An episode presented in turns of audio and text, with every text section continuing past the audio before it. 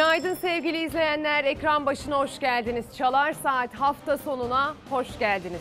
Ben Ezgi Gözeger Özmemiş. Bugün size Türkiye'den ve dünyadan haberleri aktarırken işaret dili tercümanımız Meltem Küçük de bize her zaman olduğu gibi eşlik edecek. Size bugün gündemden, Türkiye'nin geldiği durumdan, Cumhuriyet tarihinin daha önce hiç açılmamış dosyalarının açılmış olmasından, görülmemiş problemlerinin gün yüzüne çıkmış olmasından maalesef bahsetmek zorunda kalacağız. Dün itibariyle atamızın Ulu Önder Mustafa Kemal Atatürk'ün ebediyete uğurlanışının 85. yıl dönümüydü. Bazı insanlar toprağa gömülüyor, bazı insanlar kalplere gömülüyor. Dolayısıyla hani ecel geliyor onları alıyor ama maneviyatlarına dokunamıyor ya işte. Tam olarak onu hatırladık dün itibariyle. Atay'ı hatırladık. Bugün de Atay'a dair özel haberlerimiz ve hazırlıklarımız olacak. Çünkü 7'den 70'e herkesin ona söyleyecek sözü vardı. Onun için sarf edilmiş o sözler, onun için yapılmış o etkinlikler, kutlamalar, anmalar, 100. yılında Cumhuriyetimizin, atamızın bize emanet ettiklerini belki de en iyi anladığımız bu dönemde Mustafa Kemal Atatürk'ün ölüm yıl dönümünü öyle bir günle geçiştirmemiz pek mümkün görünmediği için. Tabii ki aktarmamız gereken haberlerin içerisinde savaş da var. Maalesef sevgili izleyenler savaştan da bahsetmek zorundayız. Bahsetmeye devam etmek zorundayız. Çünkü durmuyorlar, bitirmiyorlar.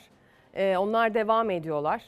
Ee, tam 37 gün oldu. İsrail'in özellikle Gazze'ye yönelik saldırılarının üzerinden 37 gün geçti. Her geçen gün biraz daha artık netleşiyor ki bu saldırıların hedefi siviller. Vefat edenlerin sayısı 11.078'e yükseldi sevgili izleyenler. Artık dile kolay diyebileceğimiz bir noktadayız. Ve öyle bir yerdeyiz ki Gazze'yi terk etmeyenler adeta şu anda biliyorlar şehit olacaklarını. Öleceklerini biliyorlar, her şeyin farkındalar. Buna rağmen orada kalmaya devam ediyorlar. Geride kalanlara dolayısıyla e, kahraman gözüyle bakıyor orayı terk etmek zorunda kalanlar. Ve artık yavaş yavaş uluslararası basın da e, neyin ne olduğunu anlamak zorunda kaldı. 37. gün itibariyle yavaş yavaş o da maalesef tam olarak bir idrak yaşandığından söz etmemiz bugün bile mümkün değil. Karar Gazetesi bugün ilk sayfasından anlatmış, haberiyle aktarmış. Az evvel söylediğimiz gibi artık bunu dünya biliyor. Kimileri görmezden gelmek istemese de hedefte siviller var. Çocuk hastanesine bomba yağdırdı başlığı 37. günde hala karşımıza çıkıyor. İsrail ordusu kuşatma altına aldığı Gazze'nin kuzeyindeki hastaneleri vurmaya başladı.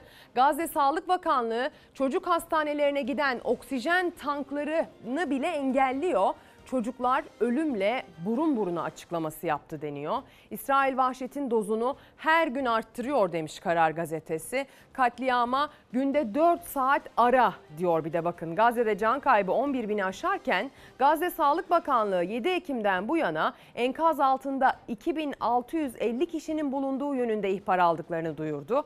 Beyaz Saray sözcüsü John Kirby, İsrail bombardımana her gün 4 saat ara verecek açıklaması yaptı ne diyelim Allah razı olsun dememizi bekliyorlar galiba. Ölüm yağdırıyor İsrail. Hastaneler, okullar ve hedefte siviller. محيط الشفا هذه هذه قريبة كثير هذه قريبة كثير لا إله إلا الله لا إله إلا الله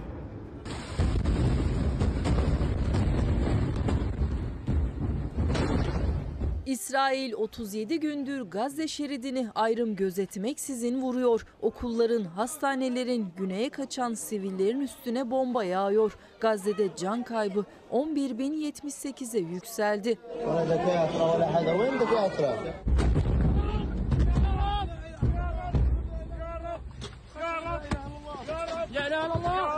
İsrail'in Gazze'de sivillere yönelik saldırıları sürüyor. Hastane, okul ve sivil yerleşim yerlerine hedef alan İsrail ordusu binlerce Filistinlinin sığındığı Al Burak okulunu füzelerle vurdu. Saldırıda 50 kişi hayatını kaybetti. İsrail ordusu akşam saatlerinde ise önce Endonezya hastanesinin yakınına daha sonra Rantisi Çocuk Hastanesi'ne saldırı gerçekleştirdi. Hastaneden ayrılan beyaz bayraklı sivillere ateş açıldı.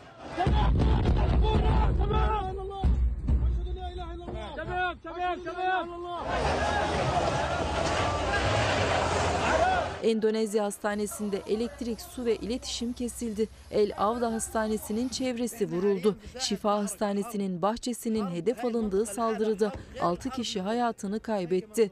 İsrail Kudüs Hastanesi'ndeki sivilleri ise keskin nişancılarla vurdu.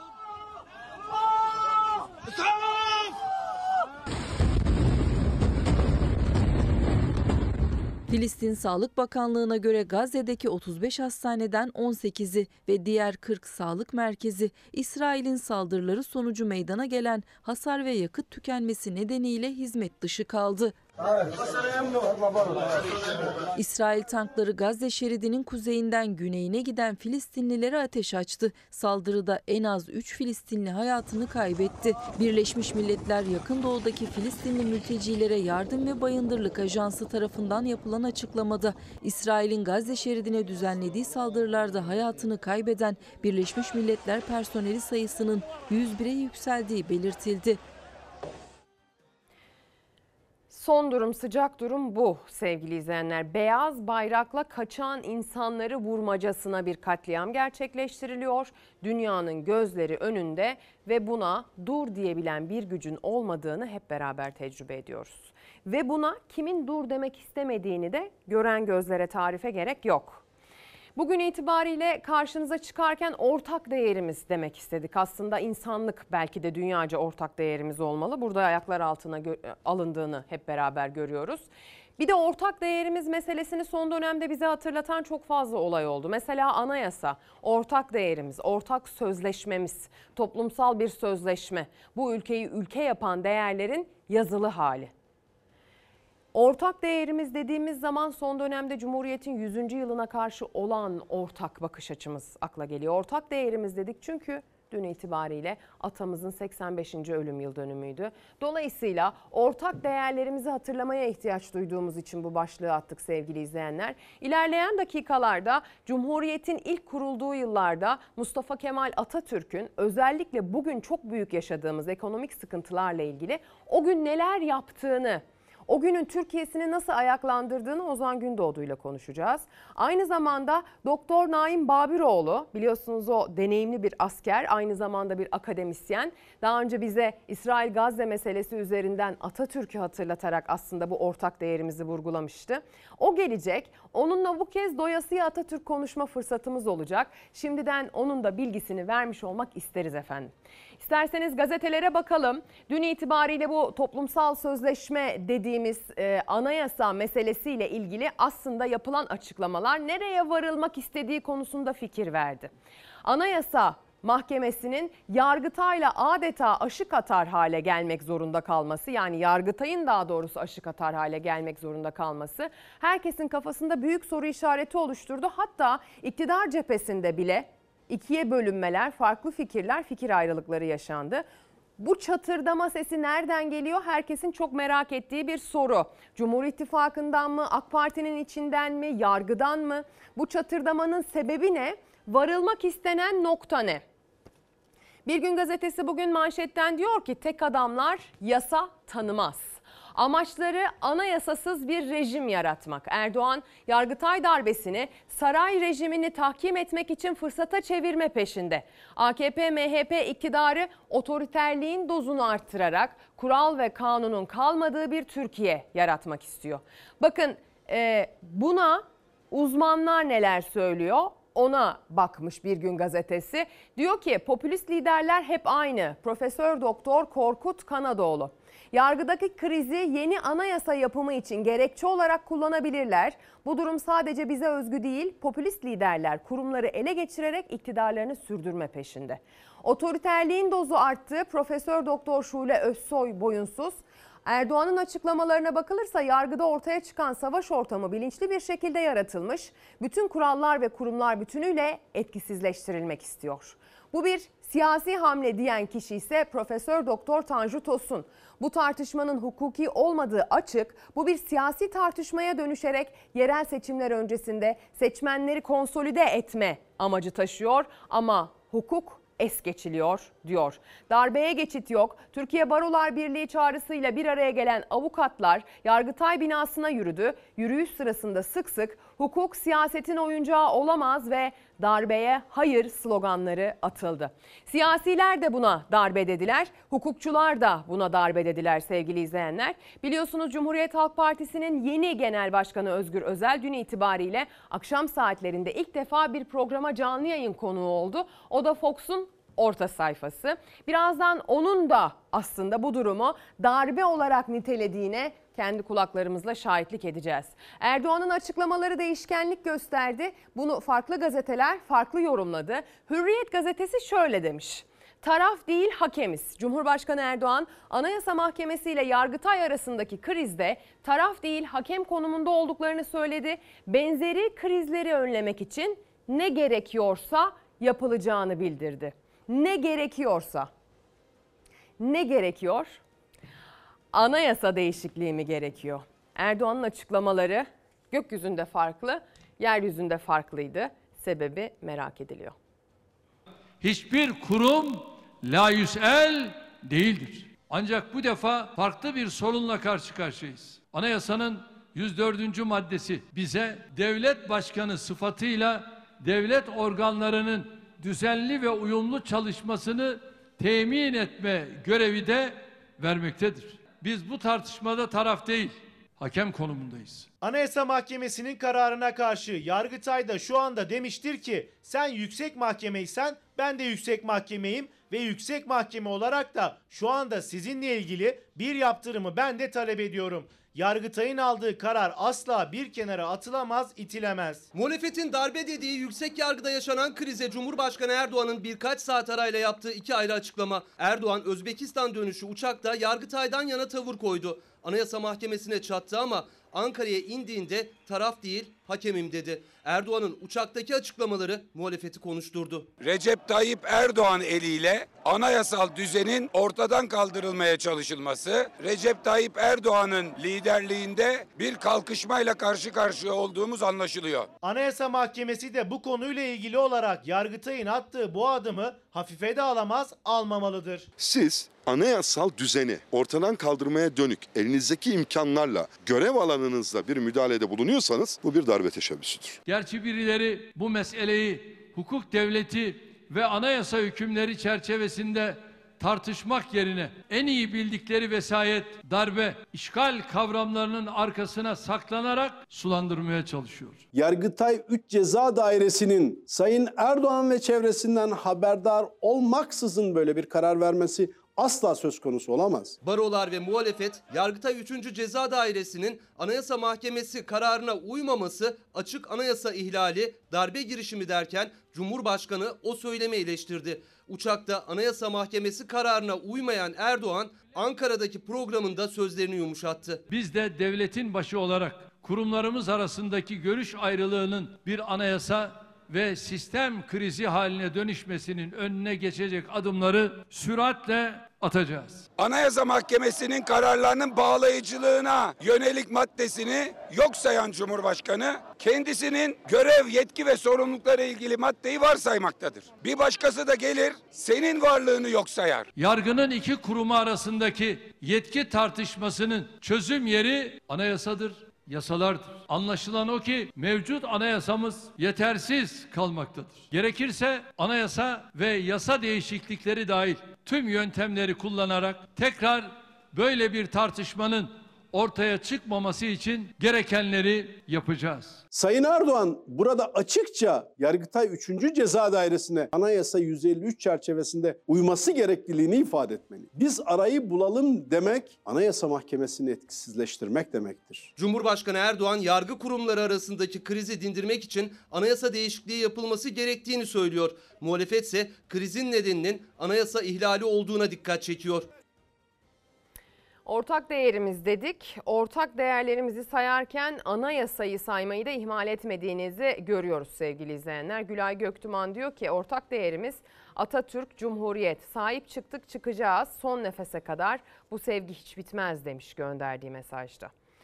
Cumhuriyet tarihinin en büyük hukuksuzluğu diyor Garip TC İsmail kullanıcı adıyla bir izleyicimiz. Ortak değerlerimiz bir Mustafa Kemal Atatürk, iki anayasamız, üç emeklilerimizdir. Değişmeyen gerçeklerimiz diyor Habib Karahisar. Hadi gelin o zaman gazetelerden emekliye dair haberimizi aktaralım. Önce tabii ki şu Cumhuriyet Gazetesi'nin meseleyi nasıl gördüğünü anlayarak devam edeceğiz. Erdoğan Yargıtay 3. Ceza Dairesi'ne destek çıktı. Özelden sert tepki geldi. Hedef anayasa. Cumhurbaşkanı Erdoğan Anayasa Mahkemesi'nin Can Atalay hakkındaki ihlal kararı sonrası çıkan yargı krizini fırsata çevirerek yeni anayasa istedi. CHP lideri Özgür Özel, Erdoğan liderliğinde anayasal rejimin ortadan kaldırılması ve bir kalkışmayla karşı karşıya olduğumuz anlaşılıyor dedi. Yargıtay 3. Ceza Dairesi'nin AYM'yi hedef alması yargı içinde de tepki çekti. Yargıtay'daki sessiz çoğunluğun AYM'yi haklı bulduğu belirtildi. Yargı çevreleri böyle bir kararın siyasetten habersiz verilemeyeceği görüşünü aktardı. Neden o çoğunluk sessiz? Soru işareti. Cumhuriyet Gazetesi'nin kulis bilgisi sessiz çoğunluk AYM'den yana diyor. Yargıtay'a yürüdüler diye Ankara Barosu avukatlarının Anayasa Mahkemesi'nin kararını tanımayan Yargıtay 3. Ceza Dairesi'ni protesto etmesini de aynı başlık altında değerlendirmiş. Ve iki liderin ilk teması dün 10 Kasım'da Anıtkabir'de gerçekleşti. Onun fotoğrafı da aktarılıyor. Ee, Cumhurbaşkanı Erdoğan'la CHP lideri Özgür Özel'in Anıtkabir'de Atatürk'ü anma töreninde devlet erkanı ile birlikte bir araya geldikleri andaki ilk tokalaşmaları e, görüyorsunuz Cumhurbaşkanı Erdoğan'ın bir göz teması söz konusu değil. Yargıdaki krizin tarafları Anıtkabir'deki törende ilk kez birlikte görüntülendi. Erdoğan protokoldeki CHP lideri Özel, AYM Başkanı Zühtü Arslan, Yargıtay Başkanı Mehmet Akarca, Danıştay Başkanı Zeki Yiğit'le tek tek tokalaştı diyor. Hadi gelin Emekliye dair haberimizle devam edelim. Milliyet gazetesi ilk sayfasından aktarıyor. Emekliye 5 bin lira ödemesi bugün başlıyor. Çalışmayan emeklilerimize tek seferlik 5 bin lira ikramiye veriyoruz. Çalışmayan emeklilere verilecek 5 bin lira ikramiyenin tarihi belli oldu. Ödemeler 11, 12 ve 13 Kasım'da yapılacak. CHP ise sadece çalışmayan emekliye 5 bin lira ikramiye verilmesini düzenleyen kanun maddesinin anayasaya aykırı olduğu iddiasıyla iptali için Anayasa Mahkemesi'ne başvurdu. Bugün Anayasa Mahkemesi'nin önündeyiz. Anayasa Mahkemesi'ne iptal dilekçemizi sunacağız.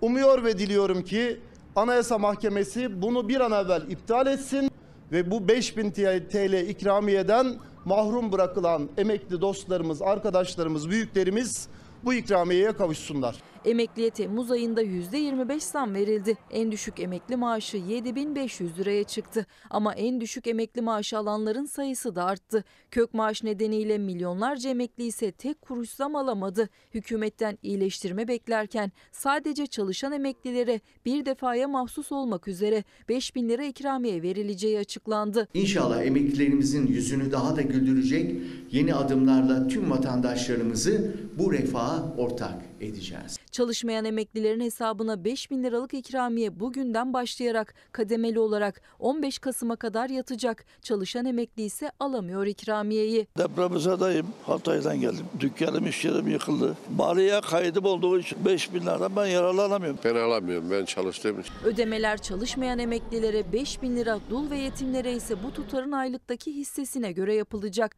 SSK kapsamında aylık alanlardan aylık ödeme günü 17, 18, 19 olanlar için 11 Kasım, 20, 21, 22 olanlara 12 Kasım'da, 23, 24, 25, 26 olanlara 13 Kasım'da, Bağkur ve emekli sandığı kapsamında aylık alanlara ise 14 Kasım'da yapılacak. Versen olacak sakız parası. CHP sadece çalışmayan emekliye 5 bin lira ikramiye verilmesini düzenleyen kanun maddesinin anayasaya aykırı olduğu iddiasıyla iptali için Anayasa Mahkemesi'ne başvurdu. AKP mantığına göre bir insan 65 ya da 70 yaşına gelmişse, emekli maaşı ile geçinemiyor ise, bu nedenle örneğin çiftçilik yapıyorsa ya da kargo taşımacılığı yapıyor ise bu insan 5000 TL ikramiyeyi almayı hak etmemektedir.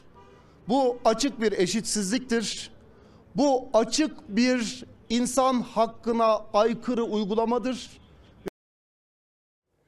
Sevgili izleyenler emekliler bugün itibariyle almaya başlayacaklar Ee, ama çalışanlara biliyorsunuz yok. Sadece çalışmayanlara var. Yani dolayısıyla mesela çok yüksek rütbelerle ordudan emekli olmuş olabilirsiniz. Çok yüksek rütbelerle devletten emekli olmuş olabilirsiniz. Dolayısıyla mesela yani hak ettiğinizden daha fazladır demiyorum ama çok yüksek emekli maaşlarınız da olabilir. Ama sırf çalışmadığınız için o 5 bin lirayı alıyorsunuz ama aldığı emekli maaşı 10 bin lira olan, 15 bin lira olan, dolayısıyla geçinemeyen, 7500 lira olan, dolayısıyla e, karnını doyurmakta zorlandığı için çalışmaya devam etmek zorunda olan o 5 bin lirayı alamıyor biliyorsunuz. Böyle bir kriter var. Bu da bugün elimize ulaştı. Bakın nereden geldiğini hemen size aktaracağım. Burada ağzında bir e, siyah gül var. Burada iki tane zafer işareti ve kalp var. Şöyle el emeği gördüğünüz gibi. Hemen aktarıyorum. Ee, aa, is- isim yazmıyor burada. Gaziantep'ten boncukların anlamlarını yazmış kişi. Tesbih sabrımız güzeldir bizim demekmiş. Tıpkı sizin gibi.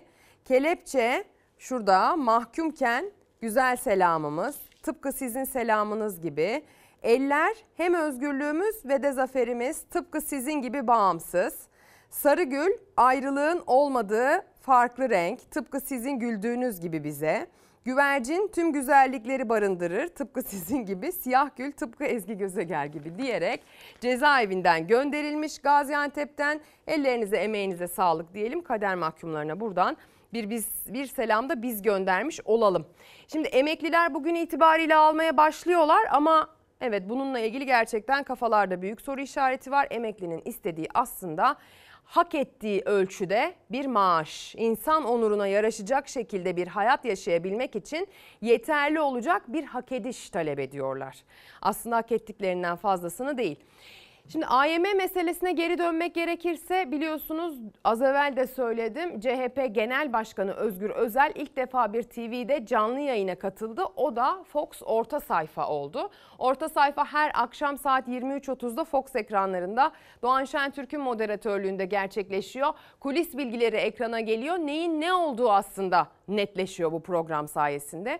Bakın Özgür Özel ne söyledi bu e, anayasa Yargıtay arasındaki meseleyle ilgili buna darbe diyor. Pek çok siyasi lider gibi Özgür Özel de buna bir hukuki darbe diyor. Ve dün itibariyle meclisteki nöbetlerinden bir bağlantı gerçekleştirdiler e, orta sayfa programına. Bir kulak verelim. grubumuz büyük bir motivasyonla e, meclisi terk etmeme eylemi yapıyor. E, bu eylem hem Türkiye'ye dikkat çekme, dünyanın gözünü Türkiye üzerinde toplama, Türkiye'de bir anayasayı askıya almaya çalışan darbe girişim var. Biz e, bundan sonraki süreçte hem Türkiye'de hem dünyada bu yapılmaya çalışanın ne demek olduğunu anlatacağız. E, meydan boş değil, bunu böyle bilsin. Bugün uçakta biraz yüksekten uçmuş. İnince biraz ayakları yere değmiş, biraz yazılı metni daha özenli gördüm. Ee, ama öyle o kadar meydanı boş sanmasın. Ee, kendisini bir kez daha uyarıyorum. Peki Sayın Özel, şimdi Sayın Erdoğan diyor ki ya işte burada Danıştay da yüksek yargı, Anayasa Mahkemesi de hepsi de yüksek mahkeme. Yani bir karmaşa var. Ee, onun için biz bunu hemen bir yasal düzenlemeyle veya işte bir anayasa değişikliğiyle hemen giderelim. Ben burada topu meclise atıyorum dedi yani. Size de böyle bir pas atmış oldu. Böyle bir şeye açık mısınız? Yani bir anayasada değişiklik yapılsın. Anayasa Mahkemesi'nin diyelim ki yetkileri ve neyse çerçevesiyle ilgili diye buna açık mısınız? Oturur görüşür müsünüz? Şimdi 153 son şöyle. Anayasa Mahkemesi kararları resmi gazetede hemen yayınlanır ve yasama, yürütme, yargı organlarını, idare makamlarını, gerçek ve tüzel kişiliği bağlar. Şimdi e, bu yüzden burada bir şüphe falan yok. Bu çok net. E, dediğim gibi bir maddeyi yok sayan tümünü yok sayar. Veya herhangi bir başka maddesini yok sayar. Şimdi meclise topu atıyorsa şöyle bir şey var. Oturur konuşur musunuz? Konuşuruz. Neyi konuşuruz? Anayasa Mahkemesi'nin kararlarına direnilemeyeceği konusunda hani daha açık bir şey daha yazmak gerekiyorsa Anayasal Mahkemesi'nin suç e, hak ihlali gördüğü durumlarda yaptığı tebligattan sonra buna karşı e, Anayasa Mahkemesi biliyorsunuz kararlarında anayasaya aykırılığın nasıl giderileceğini ya da ortaya çıkan e, hak mahrumiyetinin ortaya çıkan e, sorunun nasıl giderileceğini de tarif ediyor orada. Bu kısa zamanda uygulanır. En geç 7 gün içinde uygulanır. Örneğin işte şu adli tatilde olsa hızla uygulanır. Yazmak gerekiyorsa yazalım. Ama böyle bir şeye ihtiyaç olmadığı çok açık. Siz Anayasa Mahkemesi'ni tartışmaya açmak istiyorsanız biz orada yokuz. Anayasa Mahkemesi'ni tartışacaksak biz orada yokuz ama kararlarının ivedilikle uygulanması gerektiği konusunda bir değişiklik yapacaksak evet o zaman biz o atılan pası görüyoruz diyor Özgür Özel. Yani Cumhurbaşkanı Erdoğan'ın meclise işaret etmişti ya e, sözleriyle bu olayın gidişatı ile ilgili meclis gerekirse bir düzenleme yapar diye. İşte o pası böyle görüyor. Yani görürsek de böyle görürüz diyor. Bakalım neler gerçekleşecek. Şimdi e, sizi önce Şırnak'a götüreceğim. Sonrasında da Gaziantep'e götü- götüreceğim. E, akıl almayan bir olay yaşandı Şırnak'ta. Bir piknik tüpü alev aldı. Sonra olanlar ondan daha akıl almazdı.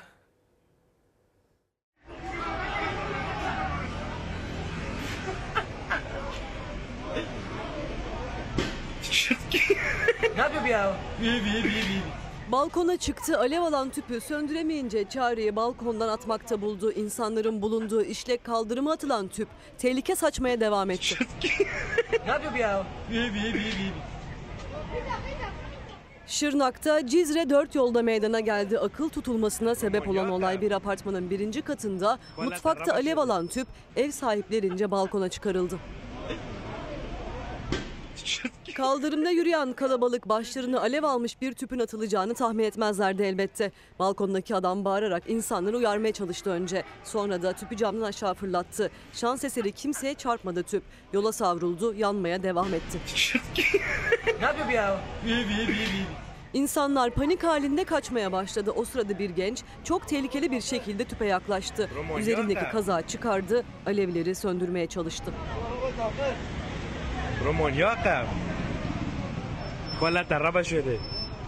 Çoğu insan kaçtı, kimi uzaktan, kimi yakından izledi. Tüpün patlaması an meselesiydi. Kazayla müdahalede bulunan genç alevleri söndürdü. Yaşanan olayda şans eseri kimseye bir şey olmadı.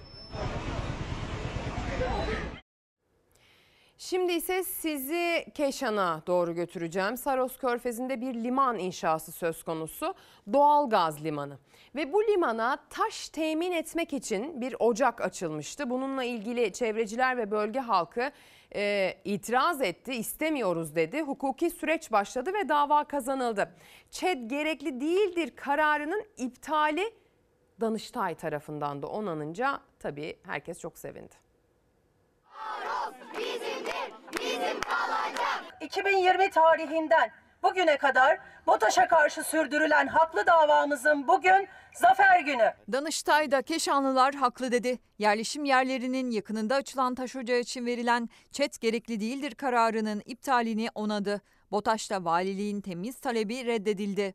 Biz valiliğin ÇED gerekli değildir kararını iptal ettirdik. Ve sakıncası yoktur diyenlere de mahkeme kararı bir mesaj verdi aslında. Hayır, evlere 160 metre mesafede taş ocağı olmaz sakıncalıdır mesajını verdi. Edirne Keşan'da evlerin sadece 160 metre yakınındaki eski taş ocağı BOTAŞ'ın Saros'ta inşa ettiği doğalgaz limanına malzeme temini için geçen yıl yeniden faaliyete geçirildi. İki ay boyunca patlatmalara maruz kalan Aşağı Zaferiye Mahallesi sakinleri hukuki süreç başlattı. Çet gerekli değildir kararının iptali için Edirne İdare Mahkemesi'ne başvurdular. 28 Nisan'da da davayı kazandılar. Danıştay da mahalleliyi haklı buldu. Temize taşınan kararı onadı. Bizi haksız çıkarmak için söyledikleri yalanlar mahkeme heyeti tarafından kabul görmedi. Bu durum bizlere ülkemizde hala vicdanının sesini dinleyen yargıçlar var dedirtti. Taş ocağına karşı zafer kazanan mahalleli BOTAŞ'ın yeni bir projeyle bakanlığa başvuru yapmasından endişeli. BOTAŞ'ın ruhsatı iptal edilmedi arkadaşlar. İzni iptal edildi. ÇED gerekli değildir iptal edildiğine göre yeni bir proje tanıtım dosyası hazırlar. Yeniden Çevre Şehircilik İklim Değişikliği Müdürlüğü'ne sunar. Bu kez ÇED gereklidir kararı verirler. Buradan geri döndürürüz döndüremeyiz onu süreç gösterir. Şimdi neye para harcandığı, neye bütçe aktarıldığı, bütçenin hangi önceliklerle şekillendirildiği siyasi partilerin, hükümetlerin, yöneticilerin aslında hayata bakışlarını ortaya koyar. Bu ülkeye, ülkenin geleceğine bakışlarını ortaya koyar sevgili izleyenler. Şu anda da biliyorsunuz meclisin aslında az evvel izlediğiniz o eylem şu an çok ön planda. Herkes dünyanın gözü buraya çevrilmiş durumda. Ama tabii ki meclisin aslında şu anda bütçe görüşmeleri devam ediyor. Ve e, bu meclisin en önemli görevlerinden bir tanesi bu. Sağlık Bakanı orada bir e, sunum yapıyor milletvekillerine, muhaliflerine ve bizzat şöyle bir açıklamada bulunuyor. Şehir hastaneleriyle müteahhitlerin cebine giren paranın ne kadar olduğu, yüklenici firmalara kira bedeli olarak ödenen rakamın 27,5 milyar euro olduğunu açıklıyor. Bununla neler yapılabilirdi? Ozan Gündoğdu anlattı. Ona kulak vereceğiz. Şehir hastanesi yapılmış ama biz burada buraya kira ödüyoruz. Şehir hastanelerinde herhangi bir garanti söz konusu değildir. Garanti olarak ödenen tek bedel kira bedelidir. Yani kullanım bedelidir. Toplam kullanım bedeli en üst noktada verilecek rakam bütün şehir hastaneleri için 27,5 milyar eurodur. Kütahya hariç şehir hastanelerinde kira garantisi dışında bir garanti söz konusu değil. 27,5 milyar euronun ne anlama geldiği ama önemli bir soru işareti oluyor. Bu tutarın Türk lirası karşılığı 838 milyar 286 milyon Türk lirası. Şehir hastanelerine tam 27,5 milyar euroluk kira ödendiğini açıkladı Sağlık Bakanı Fahrettin Koca. 20 şehir hastanesi için ödenen kira bedelinin Türk lirası olarak karşılığı 838 milyar lira. Sağlık Bakanlığı'nın harcadığı her 4 liradan biri şehir hastanesine kira olarak ödeniyor ve bu yük değil mi? Sağlık Bakanı Fahrettin Koca Meclis Plan Bütçe Komisyonu'nda milletvekillerinin şehir hastanelerine ilişkin eleştirilerine cevap verdi. Şehir hastanelerine kira garantisi dışında bir garanti verilmediğini söyledi bakan ama o kira garantisi yani devletin kasasından müteahhitlerin cebine girecek para dudak uçuklattı. Fox Haber ekonomi ve siyaset yorumcusu Ozan Gündoğdu'ya göre 27,5 milyar euro ile hiç garanti yükü altına girmeden binlerce okul ya da yüz binlerce hastane yapılabilirdi. 12 derslikli bir okulu şu anda 40 milyon TL'ye yaptırıyor Milli Eğitim Bakanlığı. Şehir hastanelerin kira bedeliyle tam 20.957 adet 12 derslikli okul açılabiliyordu. Birkaç hafta önce 400 yataklı bir hastaneyi 1.3 milyar TL'ye yaptırmış devletimiz. Şehir hastanelerine ödenen kira bedeliyle 630 adet 400 yataklı tam teşekküllü hastane yaptırılabiliyor. Bu da her ile 8 hastane anlamına geliyor. Kamu özel işbirliğiyle yapılan şehir hastaneleri yüklenici firma önce inşa ediyor, ardından işletmesinden yükümlü oluyor ve anlaşma süresi dahilinde devletten kira bedeli alıyor. Bu bedel 630 adet hastane yapmamak bedelidir ya da 21 bin tane okul yapmamak bedelidir. Bu tercihte bulunulduğu dönem de inşaat sektörünün çok zorda olduğu bir dönemdi. Günün sonunda söz konusu bu inşaat projelerini yürüten e, müteahhitler ceplerini doldurmuş oldular. Neler yapılabiliyor görüyorsunuz değil mi sevgili izleyenler bu parayla? Aslında bu şehir hastanelerine hiç gerek kalmayacak bir sistem kurulabiliyor. E bizim hala okul problemimiz, eğitim problemimiz tam olarak hallolmuş değil. İstanbul'un göbeğinde dahi okul problemi yaşıyor veliler. Depreme dayanıklı mı? İşte müteahhiti mi kaçtı? Baştan yıkıldı mı, yapıldı mı? Güçlendirildi mi? Bunların hepsi büyük problem. Köy okulları problemi yani küçük bir problemken maalesef son dönemde iktidar eliyle tamamen kocaman bir yoksunluğa çevrilmiş durumda. Neredeyse hiç köy okulu kalmamış durumda. Yani dolayısıyla biz aslında en temel sorunlarımızı halledememişken niye bu kadar dudak uçuklatacak büyüklükteki kiraları kişilere ödüyoruz, şirketlere ödüyoruz? Bakın barınma krizimiz devam ediyor. Özellikle öğrencilerin barınma krizi geçtiğimiz haftalarda bir genci hayattan kopardı. Öğrenciler hala bu anlamda ses duyurmaya çalışıyorlar. Onlar biz okumak istiyoruz. Bu bizim anayasal hakkımız diyorlar. Devletin bize hem bu eğitim imkanını hem de bu barınma imkanını ucuza aslında ücretsiz de ucuza ve mümkünse artık güvenli şekilde sağlaması gerek diyorlar. Ülkenin dört bir tarafında sokaklara çıktık. Arkadaşımızın göz göre göre gelen ölümünün acısını haykırdık. Farklı illerde, okullarda, yurtlarda olsak da biliyoruz ki sorunlarımız aynı. Hemen hiçbirimiz sağlıklı ve güvenli koşullarda barınamıyor, beslenemiyoruz. Aydın'da Zeren Ertaş düşen yurt asansöründe can verdi. Çorum'da arızalanan asansörde 6 öğrenci mahsur kaldı. Ordu'nun Fatsa ilçesindeki KYK yurdunda bir asansörün halatları koptu. 4 öğrenci ölümden döndü. Sivas'ta bir öğrenci arızalanan asansörde mahsur kaldı. Ve Rize ve Muş. İstanbul Küçükçekmece'de ise yurt yemeğinden zehirlenen 60 öğrenci hastanelik oldu. İzmir'de öğrenciler nitelikli eğitim, beslenme ve barınma hakkı için yürüdü.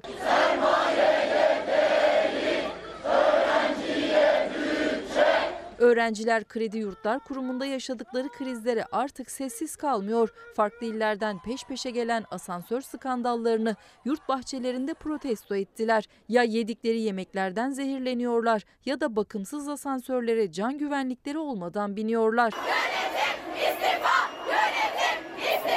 Günlerdir uyardığımız asansör Güzel Serkay Aydın KYK Kız Yurdu'nda sonunda düştü. İzmir Öğrenci Dayanışması Alsancak'tan ses yükseltti. Nitelikli ve ücretsiz barınma, beslenme koşulları derhal sağlanmalıdır.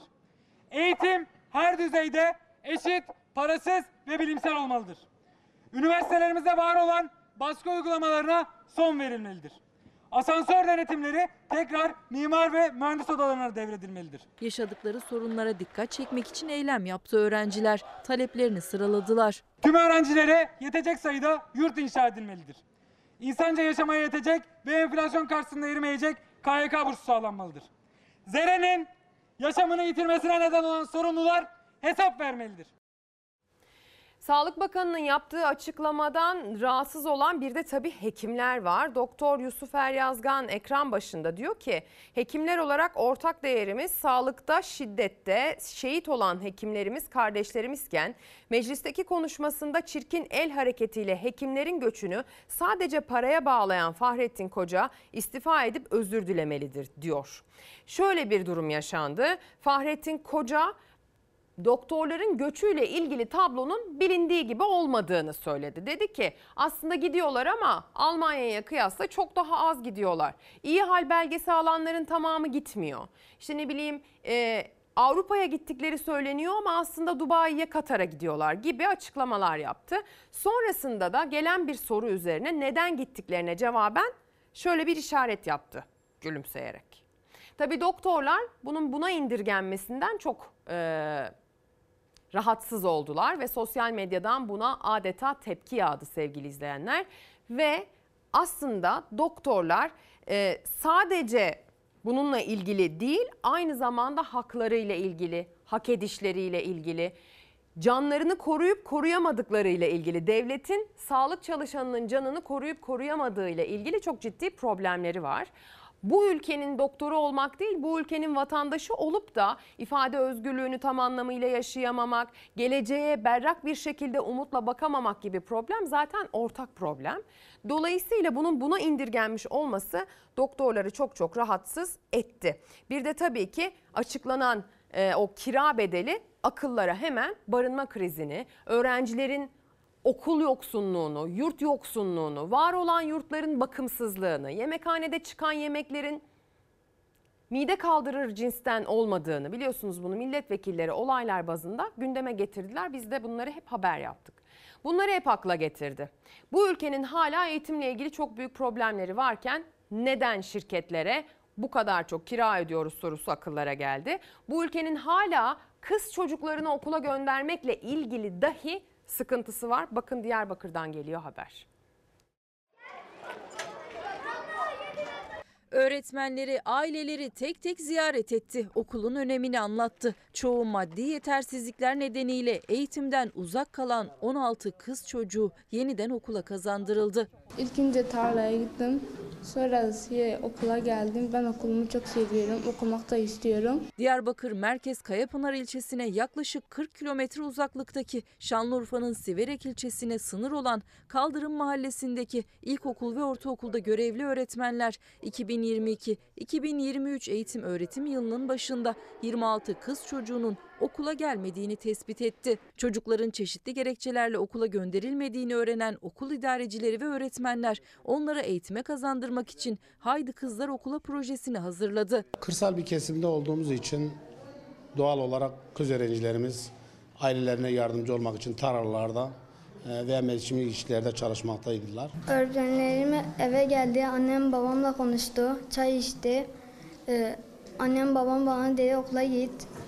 Ee, öğretmenlerimi çok seviyorum. Okulumu da çok seviyorum. Ben de anne ve babama şey destek vereceğim. Öğretmen olmak istiyorum. Öğretmenlerden dördü taşımalı eğitimle gelen 5 mahalledeki öğrencilerin okuduğu okulda ikna ekipleri oluşturdu. Öğretmenler çocuklarını okula göndermeyen aileleri evlerinde ziyaret etti. Aile fertleriyle tek tek görüşerek onlara eğitimin ve kız çocuklarının okumasının önemini anlattı. Genel olarak anneler bizleri görünce seviniyor. Çünkü anneler e, kendileri yaşadıkları bu yaşam zorluklarından sonra kızlarının da aynı hayatı yaşamalarını istemiyorlar. Onlar gibi olmayıp da okuyup kendi mesleklerini ellerine alıp ayaklarının üzerinde durmalarını istiyorlar. Valla okumalarını çok istiyorum. Ben okumadım ama onlar okusun. Yani cahil olmasın gerçekten. Okusun, meslek sahibi olsun. Öğretmenlerin ailelerini ikna ettikleri 16 kız çocuğu eğitim hayatına geri döndü. Çok şükür başarıyoruz. Ee, çoğu öğrencimizi okula kazandırdık. Köyümüzde son kız öğrenciyi okula kazandırana kadar da durmayacağız. Muhteşem değil mi? İçinin güzelliği de yüzüne yansımış öğretmenimizin gerçekten. Ee, evet böyle güzel şeyler de yaşanıyor ama keşke bu çabaya hiç gerek kalmasa 2023 Türkiye'sinde. Şimdi bir hatırlatma yapalım. Ee, kız çocuklarının okullaşma oranını hatırlamışken hala buna dair problem yaşadığımızı her ne kadar okula kazandırılmış kız çocukları içimize su serpse de anımsamışken hatırlatalım. Kadın meclisleri, kadın cinayetlerini durduracağız platformu 12 Kasım pazar günü itibariyle saat 14'te Kartal Meydan'da bir yürüyüş gerçekleştirecek. Kadınlar e, eğitimli kadınlar, kendi ayakları üzerinde duran kadınlar, hayatının kontrolünü ele almış, kimseye boyun eğmeyen kadınlar bu sefer laiklik diyecekler, anayasa diyecekler, özgürlük diyecekler ve bu anayasal işleyiş için seslerini duyuracaklar. Ee, bunu da şimdiden duyurmuş olalım. Tam yeri geldiğini düşündüğüm için hatırlatmak isterim.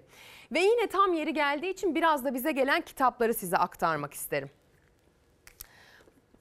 Eh, Şöyle bir sonraki turda diğerlerini yapalım yönetmenim. Alev Gürsoy Çim'in bu son olsun kitabını kaleme almış. Bizlere de göndermiş. Teşekkür ediyoruz efendim. Okuyanı bol olsun. Mehmet Niyazi Köse Gökçeada'da 3 Mevsim kitabını kaleme alıp bizlere gönderiyor. İçimiz cız ediyor. Gökçeada bizim için de bir hassasiyet sebebi dolayısıyla e, o yüzden güzel anılar biriktirmesi dileklerimle diye imzalayarak gönderiyor Mehmet Niyazi Köse. Çok çok teşekkürler. O güzel anıları ben de Gökçeada'da biriktirmek isteyenlerdenim. Derya Uyanık 40 yılın hatrına kitabını gönderiyor efendim. Kendi kaleme aldığı kitabı. Bir de notu var. Çok teşekkür ediyorum kendisine.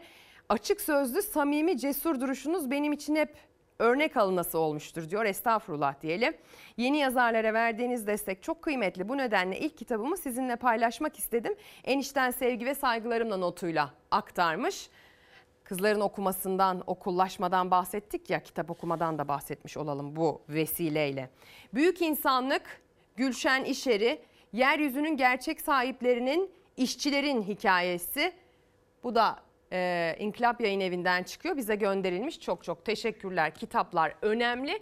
Işık, aydınlık bizim önümüzü aydınlatan yol adeta diyelim. Şimdi de e, İstanbul Zihinsel Engelliler için Eğitim ve Dayanışma Vakfı İzev'in e, haberine gidelim. Tan'ın 10 Kasım'a dair bir hayali vardı. O hayal gerçek oldu.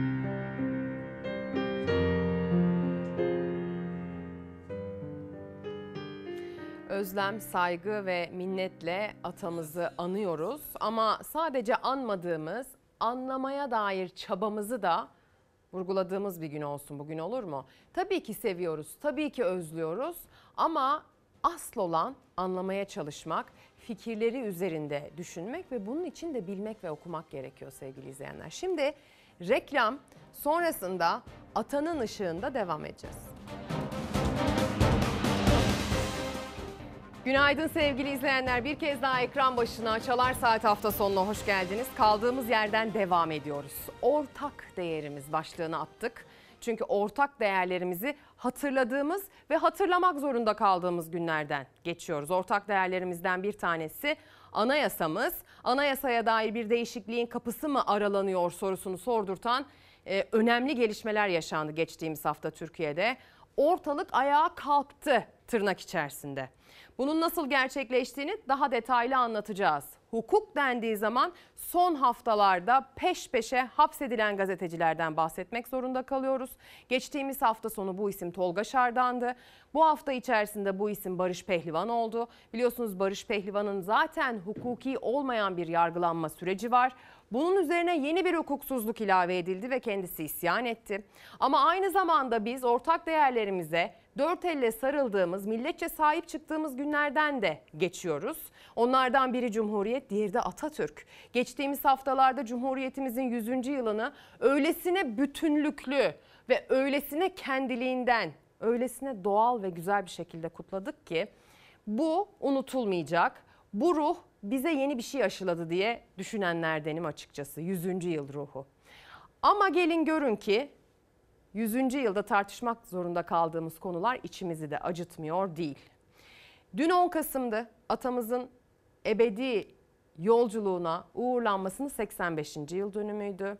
Dün sabah saatlerinde başlayan anmalar, dün sabah saatlerinde başlayan etkinlikler, dün sabah saatlerinde akmaya başlayan gözyaşı gece saatlerinde de devam etti. Anıtkabir gece saatlerinde de insan seline uğradı.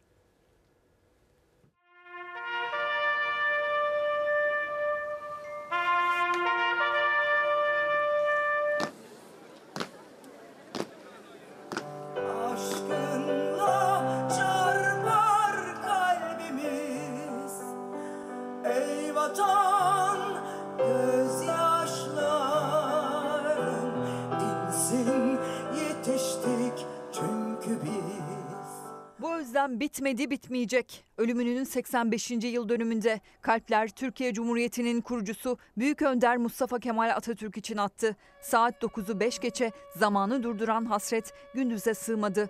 Tüm Türkiye'de gece geç saatlere dek sürdü anmalar. Atatürk'ün ebedi istirahatgahı Anıtkabir gündüz ziyaretçi akınına uğradı. 10 Kasım'da yüz binler atasına koştu. Saat 22'ye dek açıktı Anıtkabir. Gece de devam etti ziyaretler. CHP Gençlik Kolları ve Ankara İl Başkanlığı da gece Atay'a saygı zinciri oluşturdu. CHP Genel Başkanı Özgür Özel de zincire katıldı. Daha sonra Anıtkabir'i ziyaret etti.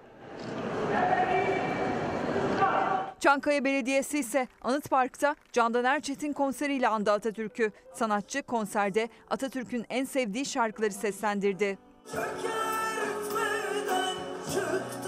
Halil'im Ankara Devlet Opera Balesi de 10 Kasım'a özel senfonik bir konser düzenledi. Bilecik ve Edirne'de Atatürk sevdiği şarkılarla anıldı.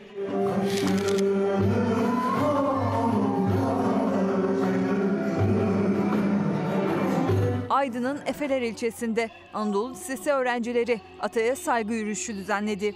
İstanbul Büyükçekmece Belediyesi de Kırklareli'de, İğneada, Osmancıklı ve İslambeyli beldelerinde 3 adet Atatürk anıtı yaptırdı. Atatürk anıtları 10 Kasım'da törenle açıldı. Atatürk'ü rahmetle, saygıyla anıyoruz. Herkese özgür yaşam verdin. Baş öğretmen. Tokat, Trabzon, Muğla, İzmir ve daha birçok ilde gündüzse öğrenciler koreografilerle Atatürk'e duydukları özlemi ve minneti dile getirdi.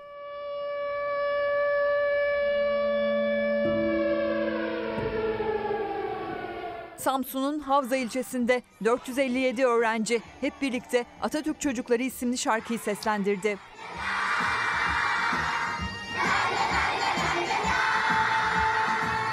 Ordu'da 87 yaşındaki emekli başkomiser Tahir Baş saat 9'u 5 geçe plajda işletmeciliğini yaptığı kamp alanında Türk bayrağını böyle selamladı. Edirne'nin İpsala ilçesine bağlı Sarıcıaylı köyünde ise kooperatif kuran 10 kadın okudukları şiirlerle andı Atatürk'ü. Sen varsan Atatürk'üm her şeyimizde, bugün yatağımdan ür kalkıyorsam, ekmeğim ak, suyum berraksa, sen varsın göz bebeklerimde, sen varsın Atatürk'üm, sen varsın. Ya Anadolu'nun küçücük köylerinden büyük şehirlerin ana caddelerine, sokaklarına kadar herkes her yerde dün atasını andı. Anmamayı tercih edenler de vardı. Ee, olsun birkaç eksik bizi eksiltmez diye düşünüyorum sevgili izleyenler. Şimdi e, gazeteci Barış Pehlivan'ın e, isyanıyla baş başa bırakacağım sizi ve hatırlatmak isterim.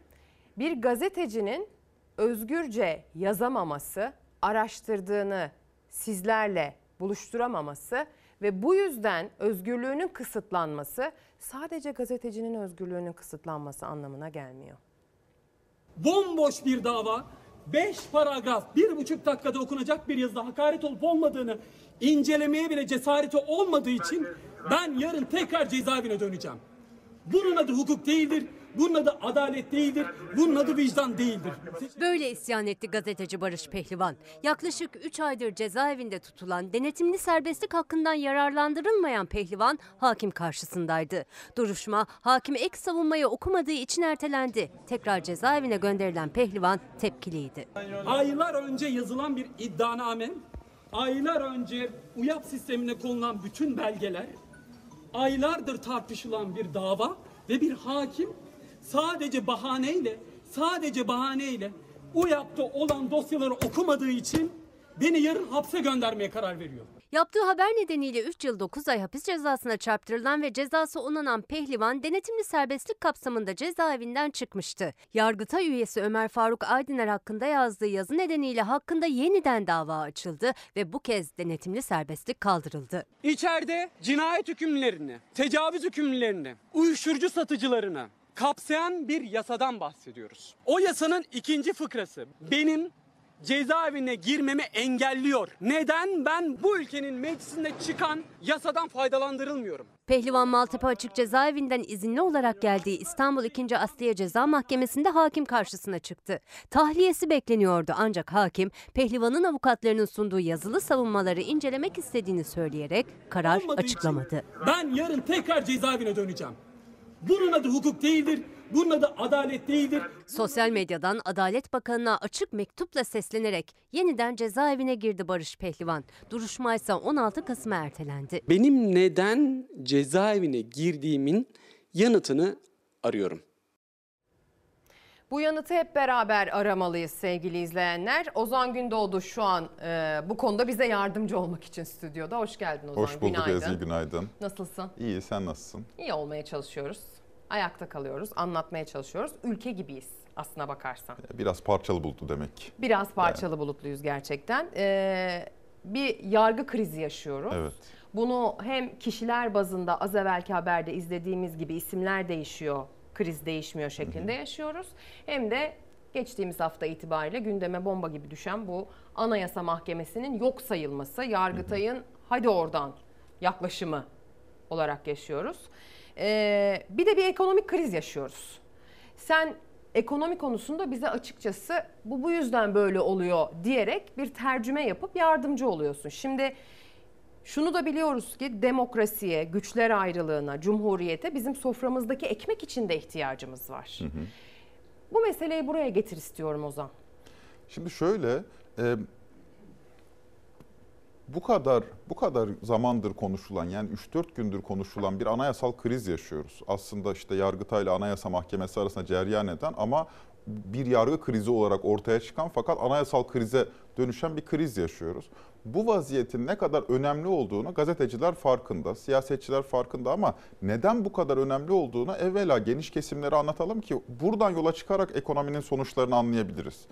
Egemenlik dediğiniz şey kamu gücü, kamu gücü o bireylerin kendi güçlerini devrettikleri bir mekanizma. Buna da zaten devlet deniyor değil mi? Yani tabii bundan 5000 sene evvelden beri böyle. Fakat bu egemenlik dayanağını nereden alıyor? Egemenlik insan evladının ilk ortaya çıktığı, medeniyetin ilk ortaya çıktığı zamanlarda egemenlik o halkın inandığı Tanrı'dan geliyormuş. Yani diyor ki kral ben diyor Tanrı'nın gücüyle burada duruyorum. Dolayısıyla din adamları vesaire de diyor ki doğru evet bu kral bu Tanrı'nın e, yetkisi alanındadır. E insanlar da o Tanrı'ya inanıyorlar. Dolayısıyla kral meşruiyetini sağlamış oluyor.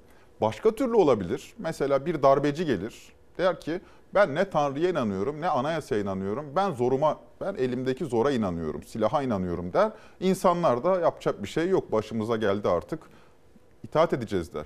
Ama medeni ülkelerde, medeni ülke demeyelim de çağdaş, demokratik hukuk devletlerinde bizim başımızdaki kişilerin, bizi yöneten kişilerin, kamu gücünün referansı, dayanağı anayasadır. Ben gücümü nereden alıyorum? Ben gücümü elimde tuttuğum silahtan almıyorum. Ben gücümü halkımın inandığı Tanrı'dan almıyorum. Ben gücümü dünyevi olandan alıyorum, anayasadan alıyorum. Şimdi burada kriz çıktığı zaman dolayısıyla mekanizmanın temelini dinamitliyorsunuz. Mekanizmanın temeli dinamitlendiği zaman sağlık sistemi de zora düşer. Eğitim sistemi de zora düşer. Elbette bunun sonucunda ekonomi de zora düşecektir.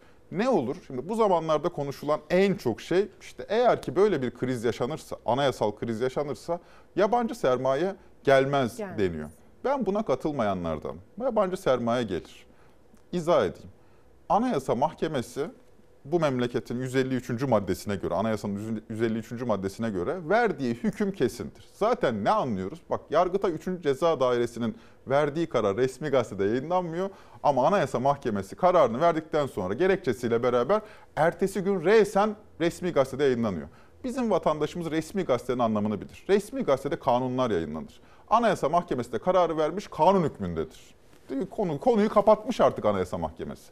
Bu saatten sonra sen onu tanımıyorsan eğer anayasal pek çok güvenceyi tanımama riskini de beraberinde getiriyorsun. Nedir o? Mal mülk edinme hürriyeti. Nedir o? İşte e, yatırım yapma hürriyeti. Ne, istediğim e, tüketim malını alma hürriyeti. Bunların hepsini de tehlikeye attığın için yabancı sermaye yani Türkiye'ye gelmeye çaba, çabalayan yabancı sermaye topa basar deniyor. Haklılar da. Doğrudur. Yani gerçekten böyle bir memlekete hukukun olmadığı, hukukun tasfiye edilme ihtimali olduğu bir memlekete yabancı sermaye gelirken zorlanır. Bak 142 ülke arasında 117. sıradaymışız hukuk endeksinde. Yani ilk yüzde bile değiliz maalesef. Ama biraz önce dedim ki yabancı sermaye yine de gelir.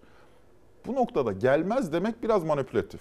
Gelir ama hangi para, hangi maliyetle gelir ve ne tip bir yabancı sermaye gelir? Hı. Aslında soru burada ceryan ediyor. Son 5 yıla baktığımız zaman son 5 yılda da neler yaşadık? Değil mi? Yani neler yaşadık? Neler? Ya burada sıralamaya zaman, Zaman ömür yetmez. zaman yetmez. Ve son 5 yılda da yabancı sermaye gelmedi. Ama yabancı sermaye bir biçimiyle geldi. Nasıl geldi? Kayıt dışı geldi sevgili Ezgi. Kayıt dışı geldi. Varlık barışlarıyla anlaşıldı ki çünkü 2018 yılı itibariyle bu memlekete böyle bir yabancı sermaye akını olmayacak. O zaman biz varlık barışları çıkartalım. 2016'nın Ağustos ayından 2023'ün Mayıs ayına kadar toplamda geçen o 7 yıllık süre içerisinde 6 ayrı varlık barışı çıkarıldı. Denildi ki kaynağını sormayacağım ben. Yurt dışından gelsin ne geliyorsa gelsin. Şimdi bu para geldi. 2022 yılında net hata noksan yani kaynağı belirsiz para girişi Cumhuriyet rekorunu kırdı 25 milyar dolarla. 2021 yılında gri listeye girdik. Yani Türkiye'ye gelen para kirli mi değil mi emin değiliz dedi bir- birçok kurum. Bunun ötesinde bankacılık sistemi tedirgin olmaya başladı. Ya kara para mı topluyoruz biz acaba diye. Şimdi demek ki bu tip ekonomilere gelen para bir, para geliyor. Ama bu tip ekonomilere gelen para daha ziyade hukuk tanımaz bir para. Hukuk dışı bir para oluyor. Sonucu ne oluyor? Bana ne diyebilir vatandaşlarımız. İşte ama Ali Yerlikaya geldiği günden bu yana sürekli operasyon Temizlik. yapıyor değil mi? Ve niye temizle temizle bitmez ki? Sistemin bataklığı kurutmadığınız zaman siz e, bu para sürekli buraya gelebiliyorsa, rahat harcanabiliyorsa, rahat kayda girebiliyorsa bu para, e, bu paranın peşinden de bu paranın istihdam ettiği suç ekonomisi gelecektir.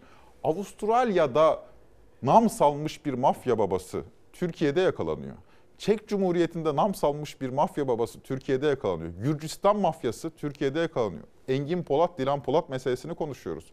Yurt dışında faaliyet gösteren bir kaçak bahis baronunun parasını burada aklamakla suçlanıyorlar.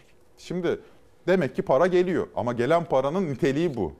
De ki, de ki böyle bir ekon, böyle bir hukuk sistemine peki normal yani suç ekonomisine dahil olmayan bir para girer mi? O da girer.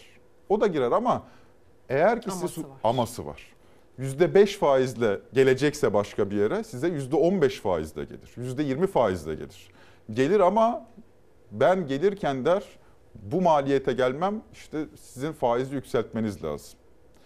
İşte demek ki gelecekten de çalmış oluyorsunuz. Yani sadece bugünden çalmış olmuyorsunuz. Çünkü bu faizi, bu yüksek faizi bizim çocuklarımız ödeyecek. Evet. Bir, bir, bir işin bir de bu boyutu var. Bir üçüncüsü gelir ama her endüstriye gelmez. Mesela teknolojik yatırım yapmaz bu. Değil mi? Yani neden teknolojik yatırım yapsın? Geleceğini görmüyor ki. Ne yapar? İri kıyım inşaat projelerine gelir. Vur kaç. Ne yapacak? 5 ay, 6 ay. O köprü mü yapılıyor? Hemen yapalım. O büyük şehir hastanesi mi yapılıyor? Hemen yapalım. Neden? Çünkü vuracak parayı kaçacak ondan sonra. Şimdi böyle para gelir. Buranın düzenine dair bir beklenti içermeyecek adamın yaptığı yatırım. Aynen öyle. Yapacak, teslim edecek, alacak parasını O gidecek. kadar. Mesela dün dün buna, buna ilişkin bir örnek yaşadık. Bizim e, elektrikli otomobil dönüşümüyle beraber yeni bir endüstriye ihtiyacımız var. Nedir o endüstri? Batarya endüstrisi. Bizde otomotivin montaj sanayi zaten yıllardır var. Yaklaşık 30 yıldır var o Bursa Kocaeli hattında. Bir de batarya fabrikasına ihtiyacımız var. Fakat bu teknoloji bizde yok. Dolayısıyla bu noktada yabancı sermaye ile işbirliği yapmak durumundayız. Haziran ayında bir Koreli firma gelecekti. Koreli firma Temmuz ayında e, bir çeşit nedenlerle iptal etti. Dün dün yine başka bir Koreli firmanın Türkiye'de tüketildiği için zik- zikretmiyorum. Yine başka bir Koreli firmanın Ankara'da açacağı fabrikayı dün zamanlamayı doğru bulmadık diye iptal ettiğini öğrendik. Bu bir boyutu işin. Fakat de ki ya yabancı sermaye böyle bir krize gelseydi işte biz hukuk sistemimizi düzeltmeye gerek yoktu diyebilir miyiz? Hayır. İşin bir boyutu da sermaye cephesi gibi emek cephesi. Emek cephesini de ilgilendiriyor. Organize sanayi bölgesi, Antep Organize Sanayi Bölgesi'ndeki tekstil fabrikaları e, bir tek senin yani Birleşik Tekstil İşçileri Sendikası'nın ifadesiyle mezbahaya dönmüş durumda. Ne demek o? Neredeyse her gün, neredeyse her gün bir işçinin parmağı kopar, bir işçinin kolu kopar, bir işçinin eli kopar. Cinayetler de var, iş cinayetleri de var. O Antep Organize Sanayi'ye giriyorsunuz. Kocaman bir tabela. El estetiği reklamları yapılıyor. Tabelalarda. Neden? ihtiyaç var çünkü. Çünkü işçilerin Pazar parmakları çünkü işçilerin parmakları yok. Yani korkunç görüntüler var. Bir şekilde şey.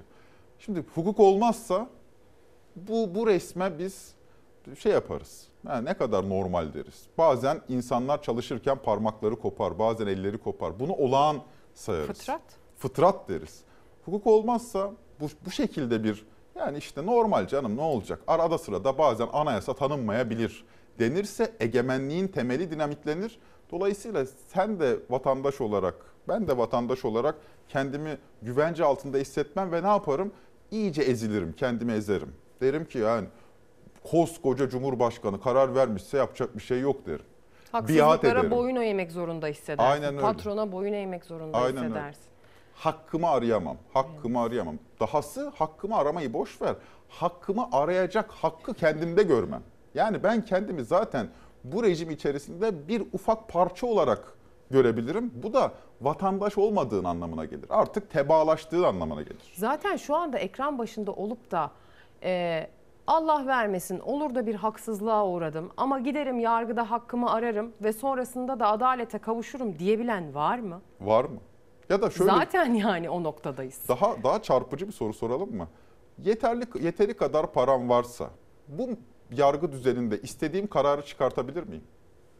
Bak bu soruyu sorduğum neredeyse herkes çıkartırım cevabı veriyor. Çok tehlikelidir bu. Yani yeterince param varsa ben bu yargıdan istediğim kararı alabiliyorum sorusuna evet cevabı veriyorsa insanlar artık hepimizin bir durup düşünmesi gerekir. Demin Barış Pehlivan'ın haberini izledik. İsyan etmek de haksız mı? Bir hakaret davası. Bak bir örgüt davası değil. Böyle çetrefilli, ucu başka kimselere uzanan bir dava değil. Bir hakaret davası. İddianame dediğiniz iki sayfa iddianame. Niye erteliyor hakim? Diyor ki okuyamadım. Daha vaktim olmadı. Şimdi bu, bu ya insanın aklıyla alay etmek ya da aklımızla alay etmeyelim ne olduğunu daha net şekilde görüyoruz. Bu mekanizmada filler tepişirken, Anayasa Mahkemesi ile Yargıtay tepişirken ilk derece hakimi, alelade 8-10 yıllık bir ilk derece hakimi kendi inisiyatif alıp karar verebilir mi? Hüküm verebilir mi? Veremez. Herkes politikleşmiş. Herkes politikleşmiş. Adalet de politikleşmiş. E, hal böyle olunca bizim ne eğitim sistemimizde hızlı bir düzelme yaşanabiliyor. Ne sağlık sistemimizde hızlı bir düzelme yaşanabiliyor ve elbette ekonomide düzelmiyor. Yani düzelmesi de mümkün mü Allah aşkına? Gerçekten çok güzel özetledin Ozan Gündoğdu. Çok çok teşekkür ediyorum. Ağzına yüreğine sağlık. Ozan Gündoğdu aslında içinde bulunduğumuz bu durumun e, hani sadece durumun aktörlerini ilgilendirmediğini söylüyorum ya onun Türkçesini bize aktarmış oldu. O zaman ben seni uğurlarken dün itibariyle başlayan adalet nöbetini ve dün itibariyle avukatların gerçekleştirdiği yürüyüşü e, izleyicilerimize hatırlatmak ve göstermek isterim. Çok çok teşekkür ediyorum. Ben teşekkür ederim.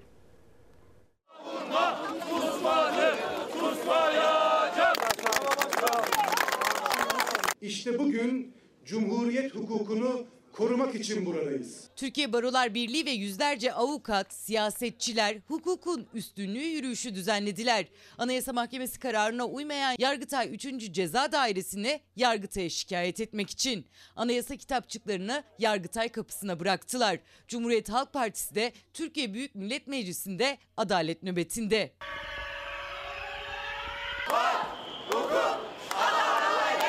Yargıtay 3. Ceza Dairesi'nin Anayasa Mahkemesi'nin Can Atalay hakkındaki hak ihlali kararını uygulamaması, Anayasa Mahkemesi üyeleri hakkında suç duyurusunda bulunması sonrası hukukçular ayağa kalktı. Hukuka sürülen bu lekenin kaldırılması için cübbelerimizle bulunup anayasalarımızı Yargıtay'ın önüne bırakacağımız bir süreç başlatıyoruz. Türkiye Barolar Birliği, Anayasa Mahkemesi kararlarının bağlayıcılığına ilişkin vurgu yapan anayasanın 153. maddesinin dev bir pankartla genel merkezine astı. Türkiye'nin dört bir yanından gelen Barolar Birliği'ne bağlı baro başkanlarıyla beraber avukatlar cübbelerini giydiler ve hukuktaki yargı kriziyle ilgili Anayasa Mahkemesi önünden Yargıtay'a yürüyerek seslerini duyurmaya çalışıyorlar. Hukuk devleti ilkesinin aşılmasında kimin ne derecede sorumluluğu varsa hakkında derhal gereğinin yapılmasını talep ediyoruz. Hukukun üstünlüğü yürüyüşü de hak ihlali kararı uygulanmayan Anayasa Mahkemesi önünde başladı. Yargıtay'a yürüdü avukatlar. Baroların yürüyüşüne muhalefet neredeyse tam kadro destek verdi. Yürüyüşün başlamasından hemen önce GSM operatörlerinin devre dışı kalmasına da tepki vardı. Çünkü yürüyüş canlı yayınlanamadı. Yayın yapılmasına dönük bir engel varsa açıkça bir basın özgürlüğü ihlalidir. Halkın haber alma özgürlüğünün ihlalidir.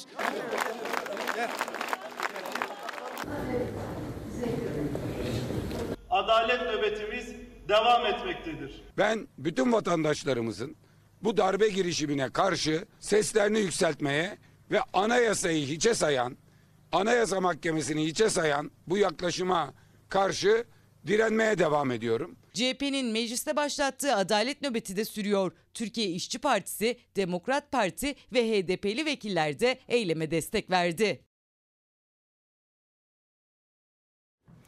Şimdi sizi Gaziantep Nurdağ'ına götüreceğiz sevgili izleyenler. Konteyner kentte yangın çıktı. Bundan bir çıkalım burada. Ya şu? Depremin yaralarını sarmaya çalışırken bir de yangın felaketini yaşadı depremzedeler. Konteyner kentte çıkan yangında 3 konteyner kül oldu.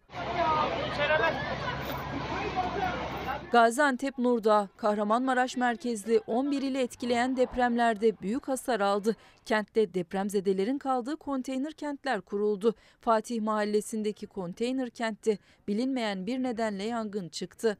İtfaiyenin etrafından bir çıkalım burada. Bir konteynerde çıkan ve kısa sürede büyüyen yangın iki konteynere daha sıçradı. Büyük korku ve paniğin yaşandığı yangın itfaiye ekiplerinin müdahalesiyle söndürüldü. Depremde evsiz kalan depremzedeler bu kez de yuvaları olan konteynerlardan oldu. Maalesef deprem bölgesindeki yaralar da hala sarılabilmiş değil. Devam ediyoruz. Ee, bu kez İstanbul Kadıköy'deyiz. Dün gece saatlerinde müthiş bir kalabalığa sahne oldu Bağdat Caddesi. Bir kozmetik firması açılış yapacağım dedi. 500 kişiye 10 bin lira hediye çeki dağıtacağım dedi. Bu arada kozmetik alışverişi yaparken bilinen markalardan tercih ederseniz 10 bin lira 3 tane makyaj malzemesine tekabül ediyor. Buyursunlar. Hediyeyi almak için geldik ama çok sıra varmış. Bayağı bir gerideyiz şu an. Sabaha kadar yine de bekleyeceğiz. 11'de geldik buraya arkadaşlarımla. Kahvaltımızı burada yaptık. Çaylarımız var abi lokum. Lokum getirdik. Biz bayağı hazırlıklı geldik yani buraya. Okeyimiz falan Okey oynadık. Şu hoparlörümüzden şarkı açtık. Horon teptik. Ya gayet güzel geçiyor ama yorucu geçiyor. 12 saat oldu. Bir 12 saat daha buradayız yani. Metrelerce uzayıp giden 24 saat öncesinden girilmiş bir kuyruk ve o kuyrukta bir kozmetik mağazasının vereceği 10 bin lira değerindeki çeki almak için bekleyen binlerce kişi. Bir tane çanta dağıtacakları için. Herkesin beklediği o çanta. Evet, öğlen Bekleyeceğiz. 12'ye kadar e, buralarda çok sabahlayacağız. hırslıyız, Evet. Çok hırslıyız herkes. Ee, istiyoruz o çantayı. Evet. Burası İstanbul Kadıköy. Bir mağaza açılışı özel ilk 500 müşterisine 10 bin liralık ürün hediye edeceğini duyurdu. Haberi duyan mağazanın önünde kuyruğa girdi. Sırada üçüncüyüz. Ee, yarın 12 gibi açılacakmış. 10 bin liralık e, değerinde hediye falan dağıtacaklarmış. Yani 10 bin lira da az para değil. O yüzden geldik buraya. Yanına çayını, yemeğini alan da vardı. Ayakta beklemeye dayanamayıp masa sandalye açan da, vaktini boş geçirmek istemeyip ders çalışan da. Altı buçuktan beri buradayız. Ablam için bekliyorum burada. E, boş geçmesin diye de ders çalışıyorum burada. Yarın da sınavım var. İki buçukta ona gideceğim. Bekliyorum arkadaşlarıma sıradayım. Kaçıncı sıradayım? 300. Ne diyeyim? Şimdi sıradaki haber desin olanı o zaman. Boş mezar bulsa içine girecek diye bir söz vardır ya. İşte o söz gerçek oldu. Boş mezar bulsa içine girecek sözü gerçek oldu. Teşhir amaçlı yol kenarına bırakılan mezarı gören kadın içine girip yattı.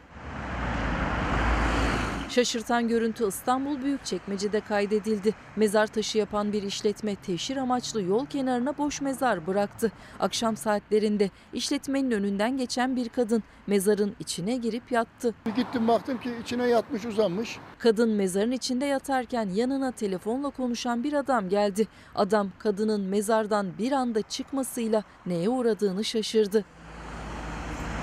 Kadın daha sonra çevredekilerin şaşkın bakışları arasında mezardan çıkıp gitti. Tövbe tövbe. Şimdi çiftçi Ramazan Toptaş'a kulak vereceğiz.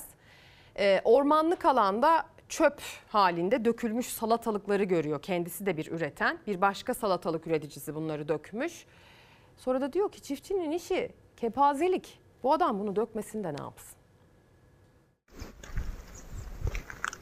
Görün arkadaşlar. Böyle kepazelikten başka bir şey değil bizim işimiz. 1 lira 2 liraya yine satılmıyor arkadaşlar. Bırakın 3'ü 4'ü 5'i 1 liraya alan yok. Ne yapacak halk? Çiftçi ne yapacak? Getirip böyle dökecek. İstanbul'da akınlar diğer tarafta akınlar da biz de 15-20 lira yiyemiyoruz, içemiyoruz. Gelin alın da yiyin burada bak dolu.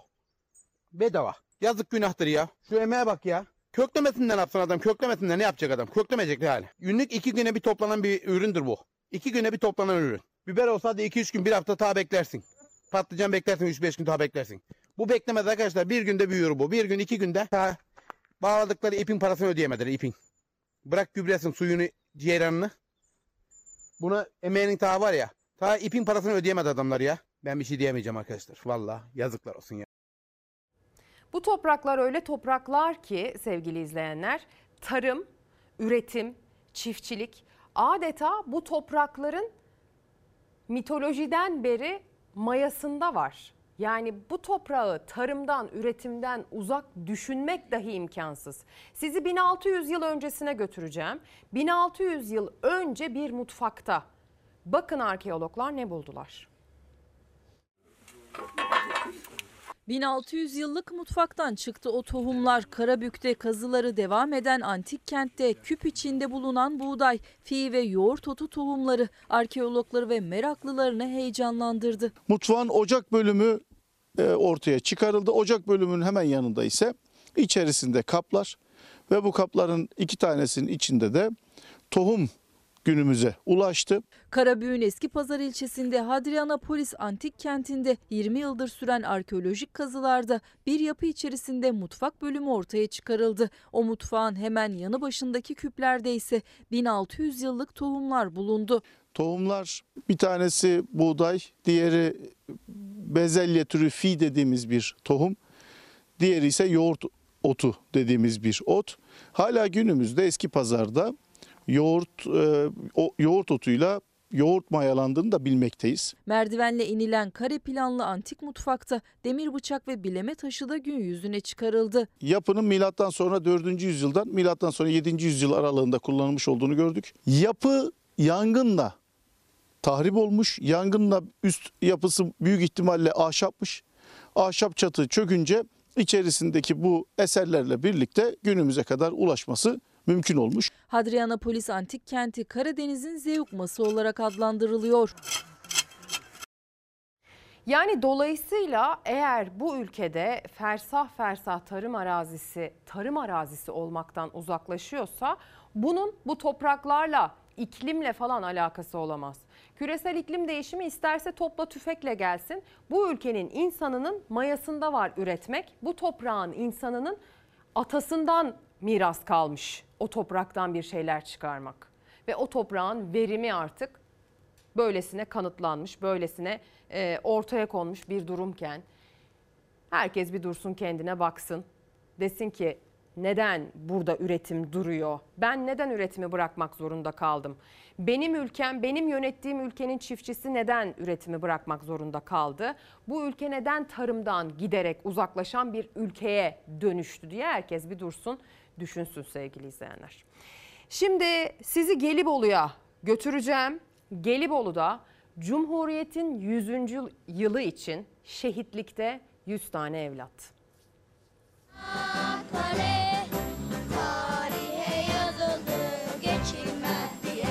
Öğretmenlerinin rehberliğinde adım adım gezdiler şehitliği. Okuduklarını, öğrendiklerini, Çanakkale'de vatan için canlarını seve seve veren o kahramanların hikayelerini Mustafa Kemal'in Çanakkale savaşlarında gösterdiği dehayı kameralar önünde anlattılar. Benim adım Yaman Ege Akman. Benim adım Çınar Akyiğit. Yunus Emir Keser.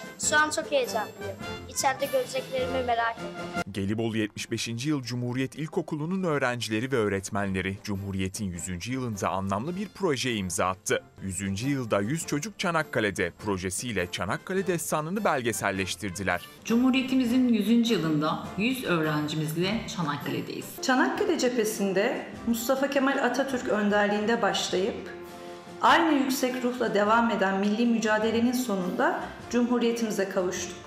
İlk günkü coşkuyla Cumhuriyetimizin 100. yılını kutluyoruz. Bilenlere bilmeyenlere Çanakkale Savaşları'nın zafere giden kilometre taşlarını anlattılar. Ben buraya geldiğim için çok mutluyum. Burada atalarımı öğrendim. Buraya geldiğim için mutluyum. Şehitlerimizi daha yakından tanıdığım için de mutluyum. Gelibolulu öğrenciler şehitlikte okulun öğretmenlerinden Aysel Cihan Karaman'ın bestelediği Çanakkale Marşı'nı da seslendirdi. 100. yıla el emeği göz nuru bu belgeseli armağan ettiler. Çanakkale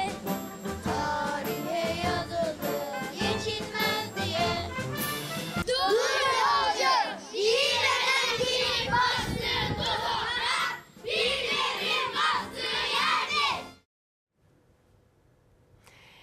Şimdi bir diğer iç açıcı habere devam edeceğiz. Kadın ve Gençlik Platformu Derneği Cumhuriyetimizin 100. yıl etkinlikleri kapsamında Milli Eğitim Bakanlığı'yla bir ortak çalışma gerçekleştirdi sevgili izleyenler. Depremzede öğrencilerin yaşadıkları felaketin izlerinin silinmesine katkı vermek için bir yarışma düzenlendi. Öğrencilerin çok yetenekli oldukları ortaya çıktı. Cumhuriyet öncesi. Işıl Duru Uslu, Belgin Su Bakırcı, Adıyaman. Üçüncü olan Umut Kocadağ, Adana.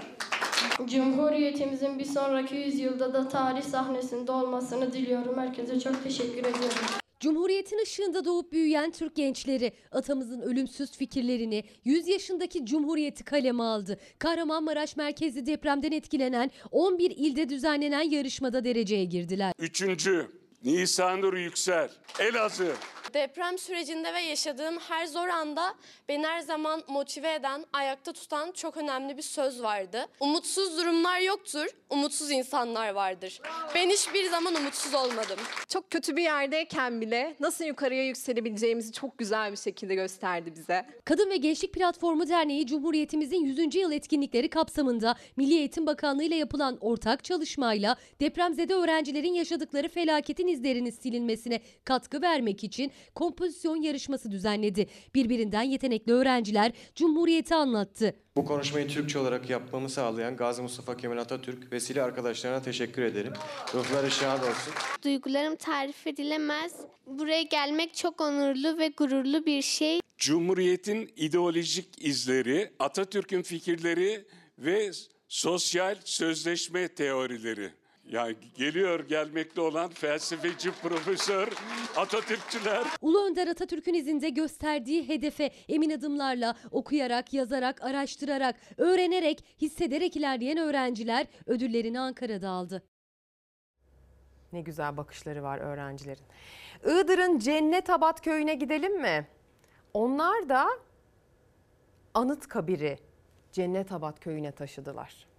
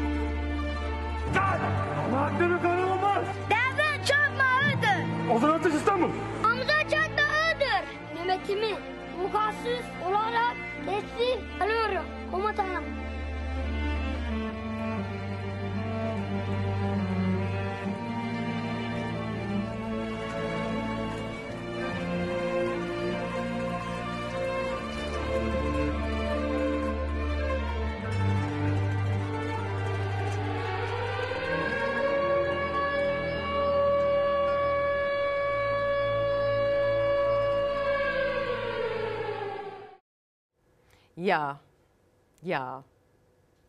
Bu çocukların kalbinde bu Atatürk sevgisi olduktan sonra hiç boşuna heveslenmeyin. Şimdi reklam. Reklamdan sonra e, Naim Babiroğlu'yla doya doya Atatürk diyeceğiz. Günaydın tekrar sevgili izleyenler. Bir kez daha Çalar Saat hafta sonuna Fox ekranlarına hoş geldiniz. Kaldığımız yerden devam ediyoruz. Bugün 11 Kasım.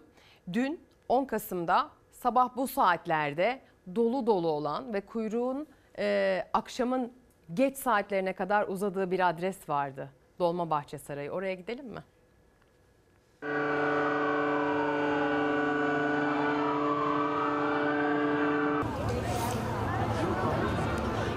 24 saatte ayaküstü beklerim. Çok mutluyum. çok huzurluyum. Çok teşekkür ederim atama. İyi ki bu memleketi yapmış. Biz de içerisinde özgürce yaşıyoruz. Ona duygularımı anlatamıyorum ama onu çok seviyorum aşırı fazla. Ona e, gurur duyuyorum. İyi ki kurtarmış. Biz Atatürk'ün küçük askerleriyiz. 70 yaşındaki Necla Hanım da 8 yaşındaki Hilal de aynı heyecanla, aynı özlemle koştu geldi Dolmabahçe Sarayı'na. Mustafa Kemal Atatürk'ün hayata gözlerini yumduğu Dolmabahçe Sarayı her 10 Kasım'da olduğu gibi ziyaretçi akınına uğradı. Güzel bir duygu. Onun ilk gelişi olacak. Kaç aylık? Altı buçuk. Duygu yüklüyüm. Ne desem, nasıl ödesem bilemiyorum. Atatürk'ü çok seviyorum. Çünkü o çocukları çok severdi. Sabah 7'de açıldı Dolmabahçe Sarayı'nın kapıları ve 7'den itibaren genci yaşlısı binlerce kişi Dolmabahçe Sarayı'na akın etti. Ve atasını anmak isteyenler Büyük Önder Atatürk'ün hayata gözlerini yumduğu 71 numaralı odaya karanfil bırakmak için sırada bekliyor. Saatlerin 9'u 5 geçe durduğu bir ulusu yasa boğan haberin geldiği o oda 85 yıl önce Gazi Mustafa Kemal Atatürk'ün son nefesini verdiği odanın önünde uzun bir kuyruk oluştu. Sırası gelen kırmızı beyaz karanfiller bıraktı yatağının üzerine. Onu hissederek, onu görmüş gibi dinmeyen özlemle. Ben bir gazi torunuyum. Benim dedem 12 yıl Atatürk'le beraber savaş yapmış. İlkokul birinci sınıfta nasıl hissediyorsam şimdi öyle hissediyorum. Sonsuzluğu, bugün yine sonsuzluğa uğurladık. Çok güzel bir duygu. Biz de çocuklarımızla buradayız. Hep de gelecekler onlar bir 85 yıl, 100 yıl onların çocukları inşallah. Atatürk'ün ulusuna veda ettiği o saat gelip çatınca tüm Türkiye'de olduğu gibi Dolmabahçe'de de zaman durdu. Siren seslerinin ardından İstiklal Marşı yankılandı.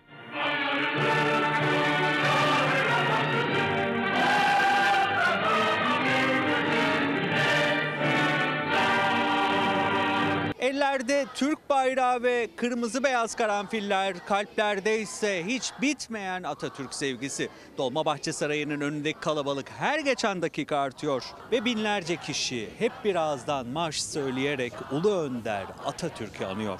Eğer yalnız gelebildiysem ben bunu atama borçluyum. Kadınlarımız buna çok dikkat etmeli. Çok e, atamızın çizdiği yolda ilerlemeliyiz. Çok duyguluyuz tabii ki. Yani e, hiçbir zaman ölmeyecek. Her zaman kalbimizde yaşayacak. Sonsuza kadar bizimle olacak. Fikirleriyle, davranışlarıyla, yaşam tarzıyla, her şeyle. Sonsuza kadar izindeyiz. Sonsuza kadar izindeyiz. Sadece 10 Kasımlarda değil, her gün aklımızın bir kenarında. Çok seviyoruz, çok özlüyoruz. Ama anlama çabasının, onun fikirlerini özümseme çabasının ne kadar kıymetli olduğunu da bir o kadar biliyoruz sevgili izleyenler.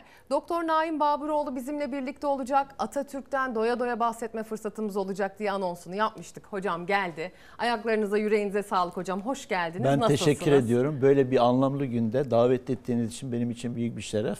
Ayrıca Fox Televizyonu ailesine de şükranlarımı sunuyorum. Çok teşekkür Sağ ederiz. Asıl biz teşekkür ediyoruz. Biz minnettarız hocam. Dolmabahçe'yi gördünüz. Evet, Atanın evet. son günlerinin geçtiği adres Doğru. orası. Aa, çok. Hastalıkla mücadelesinin geçtiği adres. Evet, Ve evet. aynı zamanda Sevgi Selin'in aslında yaşarken de Evet. aktığı adres öyle değil Evet, mi? evet.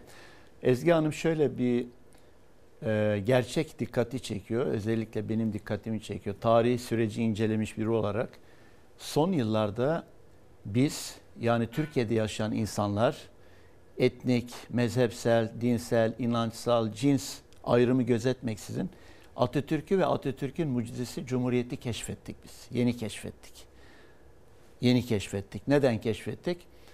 Türkiye'deki oluşan olaylar iki, e, Atatürk'e karşı bazı tarihe haksızlık niteliğindeki adımlar fakat en önemlisi Türkiye'nin çevresinde Suriye'de, Irak'ta, İran'da, e, Afganistan gibi yerlerde, Yemen'de o coğrafyada kan, gözyaşı ve acının dilmediği bir durum gerçeği var ve bu gerçekler sonucunda Türk toplumu, Türk milleti, Türk halkı, Türkiye'de yaşayan herkes, kadın erkek, yaşlısı, genci Atatürk'ü ve onun cumhuriyetini keşfetti. Onun cumhuriyetinin bir mucize olduğunu anladı ve onun ortak değer olduğunu anladı. Dolayısıyla Anıtkabir'e ziyaretçi rekoru, Dolmabahçe Sarayı'na günlerini son geçirdiği yere ziyaretçi akını onun en belirgin özelliğidir. Bir de şunu unutmayalım Ezgi Hanım.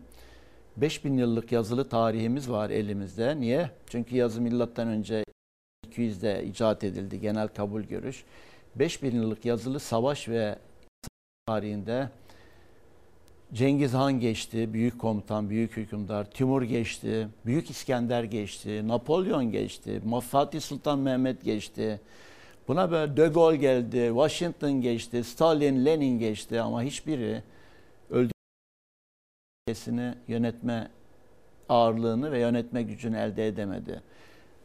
5000 yıllık yazılı tarihte öldükten sonra kendi ülkesini, milletini yöneten tek lider, tek devlet adamı, filozof Mustafa Kemal Atatürk'tür. Onun için ben Kasım 1938'de Atatürk vefat etti diyemem bu gerçek nedeniyle. Sonsuzluğa adım attı ya da ölümsüzlüğe yürüdü derim. Hem milletini yönetmeye devam ediyor hem de her gün onun hakkında mutlaka bir yazı çıkıyor. Mutlaka bir kitap, bir eser çıkıyor. Hem yurt içinde hem yurt dışında. Keşke Ama ne mutlu bize ki- özümsese Evet. bu arada o bahsettiğiniz ki bize bir Atatürk gibi bir tarihin kıskandığı lider karşımızda var. Kıskanır gerçekten. Neden tarih kıskanır? Bir kere yaklaşık 5000 kitap okumuş hayatında. Bazı kitapların altını satır satır çizmiş. Yanlarına çarpmış, mühim, çok önemli yazmış. Mesela Jean-Jacques Rousseau, Montesquieu, Kant'ı okumuş. Cumhuriyeti ilan etmeden önce, gençliğinden itibaren. Yer, e, Türk aydınlarından Namık Kemal, Tevfik Fikret, Ziya Gökalp'i okumuş. Hep onlardan besinlenmiş. Ve gençliğinden itibaren daha askeri çağdan, askeri okuldan itibaren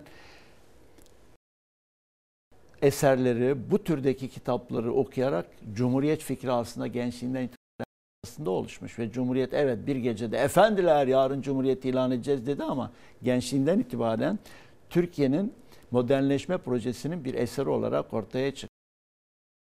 Tarih, ben bu tarihin kıskandığı lider diyorum ve tarihin kıskandığı lider dediğim için size bu kitabımı imzalı olarak takdim etmekten büyük bir mutluluk duyuyorum. Tarihin kıskandığı lider. Bu insan Atatürk'ü anlatıyor. İnsan Atatürk, insan Atatürk. Bu da yine Atatürk'ün bir şiirinin yani benim Atatürk'le ilgili yazdığım bir şiirinin yer aldığı Bir Yaprak adlı ilk şiir kitabım bu.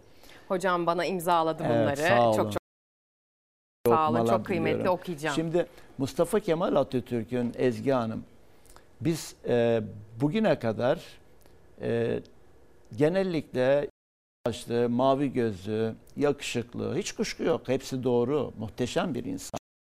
Ama Yani. evet, muhteşem bir insan. Onlar da gerçek. Ama Mustafa Kemal Atatürk'ün istediği onun manevi mirası ya da mirası mesela Celal Bayar der ki büyük Atatürk sevmek milli bir ibadettir der. 10 Kasım 1938'de yaptığı konuşmada. Yıllar sonra sorarlar Celal Bayar'ı sıkıştırır basın mensupları. Çünkü iddialı bir söz. Seni sevmek milli bir ibadettir. Derler ki Sayın Bayar siz böyle bir söz söylediniz. Çok iddialı, milli bir ibadet. Şimdi aynı şeyi düşünüyor musunuz Atatürk hakkında? Hayır. Ne dedin, ne diyorsun, ne düşünüyorsunuz? Büyük Atatürk seni anlamak milli bir ibadet. Aa, şimdi Büyük Atatürk'ü anlamak gerçekten Celal Bayar'ı niye örnek verdi? Demokrat Parti döneminde Demokrat Parti'nin kurucusu ve Cumhurbaşkanı Atatürk ve devrimler bazı adımlar atıldı. Hiç kuşku yok. Tarihi gerçek bu. Buna rağmen Celal Bayar diyor ki anlamak milli bir ibadettir diyor. ben de katılıyorum. At- Onun için Atatürk anlamak için Atatürk'ün belgelerden, kendi anılarından, yazdığı kitaplardan ve hatıratlardan tabii anlıyoruz bunu. Mesela Atatürk'e deriz 1880 doğrudur hiç kuşku yok. Ama Mustafa Kemal'in tarih sahnesine ve Türkiye'ne çıktığı yer 34 yaşında Çanakkale Savaşı, Çanakkale Muharebeleri 25 Nisan 1915'tir. 25 Nisan 1915'te Türk huzuruna ve tarih sahnesine adımını atar. Eğer biz Çanakkale muharebelerinde kahraman ya da Arı, Arıburnu kahramanı olan 34 yaşında genç, cesur, gözü kara bir Türk subayıyla tanışmamış olsaydık ne milli mücadele yolculuğu ne de Türk İstiklal Savaşı ne de Cumhuriyet olacaktı. Ne siz burada ne ben yaptık. Onun için Atatürk'ün tarih sahnesine Türk milletinin huzuruna çıktığı yer Çanakkale'dir. Ve benim ben derim ki Mustafa Kemal'in doğum yeri tarihi açıdan Çanakkale 1915. Orada ben size taarruz emretmiyorum, ölmeyi emrediyorum. Biz ölünceye kadar geçecek zaman içerisinde başka dost kuvvetler yerimizi alabilir emri savaş tarihinde muhteşem bir emirdir. Ölüm emri ama siz demiyor. Biz ölünceye kadar kendisi dahil kendisi en önünde yer alır Çanakkale'de ve Çanakkale muharebelerinde dört kez İstanbul'u, Osmanlı'yı ve padişahı kurtarır. Muhteşemdir. Ama Çanakkale Savaşı'nda 10 Ağustos Troya Savaşı'nın intikamını alır. 3000 yıl önce aynı coğrafyada yapılan ve batıdan gelen yine Akaların komutanı Agamemnon komutasındaki Akaların Troya'yı, Truva'yı istila ettiği 10 yıllık süren savaşın ve Hektor'un intikamını alır. 10 Ağustos Süngü hücumu Albay Mustafa Kemal 34 yaşında tarih böyle kaydeder. O John Bayır hücumu muhteşemdir. Orada da zaten göğsünden aldığı bir şarapnel parçasıyla yaralanır. Biraz bilinci kaybolur. Çok az bir baygınlık geçirir, yere düşer. Yanındaki Nuri Jonker ve diğer alay komutanı onu hemen suyla ayıltırlar. Susun der, askerler duymasın andığımı. O John Bayır hücumu muhteşemdir. Kılbacını kaldırır. Der ki askerler ben kır, acele etmeyin. Kırbacımı kaldırıp size emir verinceye kadar sessiz durun. Ama tabancanızı, tüfeğinizi kullanmayacaksınız. Sadece süngü kullan. Neden? Düşmanla arada 25-30 metre var. Baskın olsun diye. Biraz tepeye çıkar, askerleri teftiş eder. Sabah 4.30 kırbacını kaldırır, bakar ve indirir birden. Hep birden hatırlarlar. Buna İngiliz tarihinde Çanakkale Muharebelerinde İngilizler uçan Türkler derler. Çünkü İngilizlerin mevzileri aşağıda o Mustafa Kemal Mustafa Kemal'in emriyle taarruz eden, saldıran e, Türk kahraman Türk askerler atlarır. Evet şehit çok verilir ama İstanbul'u ve padişahı Osmanlı Devleti'ni kurtarır. Orada yaralanır. İşte annesinin hediye ettiği saat parçalanır. Bu saati akşam ordu komutanı komutanı Liman von Sanders'e hediye eder. Alman ordu komutanı da ona o günün zaferin kendi aile amblemini taşıyan saati hediye eder. Muhteşem. Ondan sonra Mustafa Kemal'i biz Sakarya Meydan Muharebesi'nde görüyoruz. Savaş tarihine kaydedilen Sakarya Meydan Muharebesi'nde 40 yaşında bir komutandır Mustafa Kemal. Ama yani evet. üç Mustafa, Mustafa Kemal başkomutan 40 yaşında, Mustafa İnönü Batı Cephesi komutanı ondan 3 yaş küçük 37 yaşında ve Mustafa Fevzi Çakmak ondan yaşında, 40 yaşında, 37 yaşında, 45 yaşında 3 Mustafa onların emrinde görev yapan o kahraman ordu ve onlarla beraber vatandan sevgili bilmeyen o millet, o kuşak, o Türk kadını. O Türk kadını ki Türk İstiklal Savaşı'nın birinci kahramandır. Niye biliyor musunuz? Kahraman Elif kanısıyla kahraman Hatice bebeğin kucağında bebeğiyle cepheye, askerlere yemek taşır. Hasta bakıcılık yaparlar. Türk kadını onun için birinci kahramandır ve Mustafa Kemal Türk kadınına hakkını verir ve der ki Atatürk hiçbir kadını ben Türk kadınından milletime daha fazla hizmet ettim, daha fazla görev yaptım der ve hakkını verir. Onun için Türk kadınına sosyal toplumda erkeklerle eşit olmak hakkını vermek için çok çabalar ve nihayet Cumhuriyet ilan edildikten 3 yıl sonra 1926'da 17 Şubat'ta Medeni Kanun'a bunu vermeye başlar. evet. Sakarya Meydan Muharebesi çok önemlidir. Ezgi Hanım Sakarya Meydan Muharebesi'nde Osmanlı'da 2. Viyana kuşatmasıyla beraber bir bozgun başlar.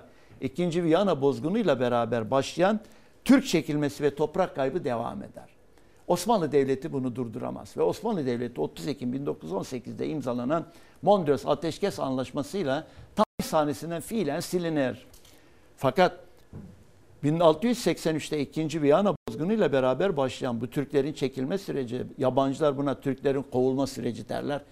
Polat'la Hayvana'ya kadar gelir. Ankara'ya kadar, Ankara 50 kilometreye kadar.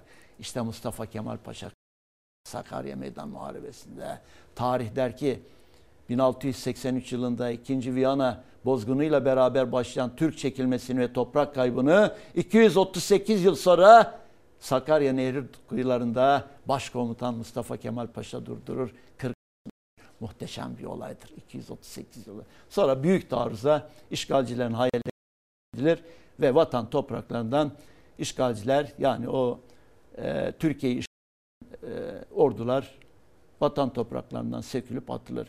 Burada çok önemli bazı gerçekler var. Değerli izleyenlerimize açıklamak isterim. Şöyle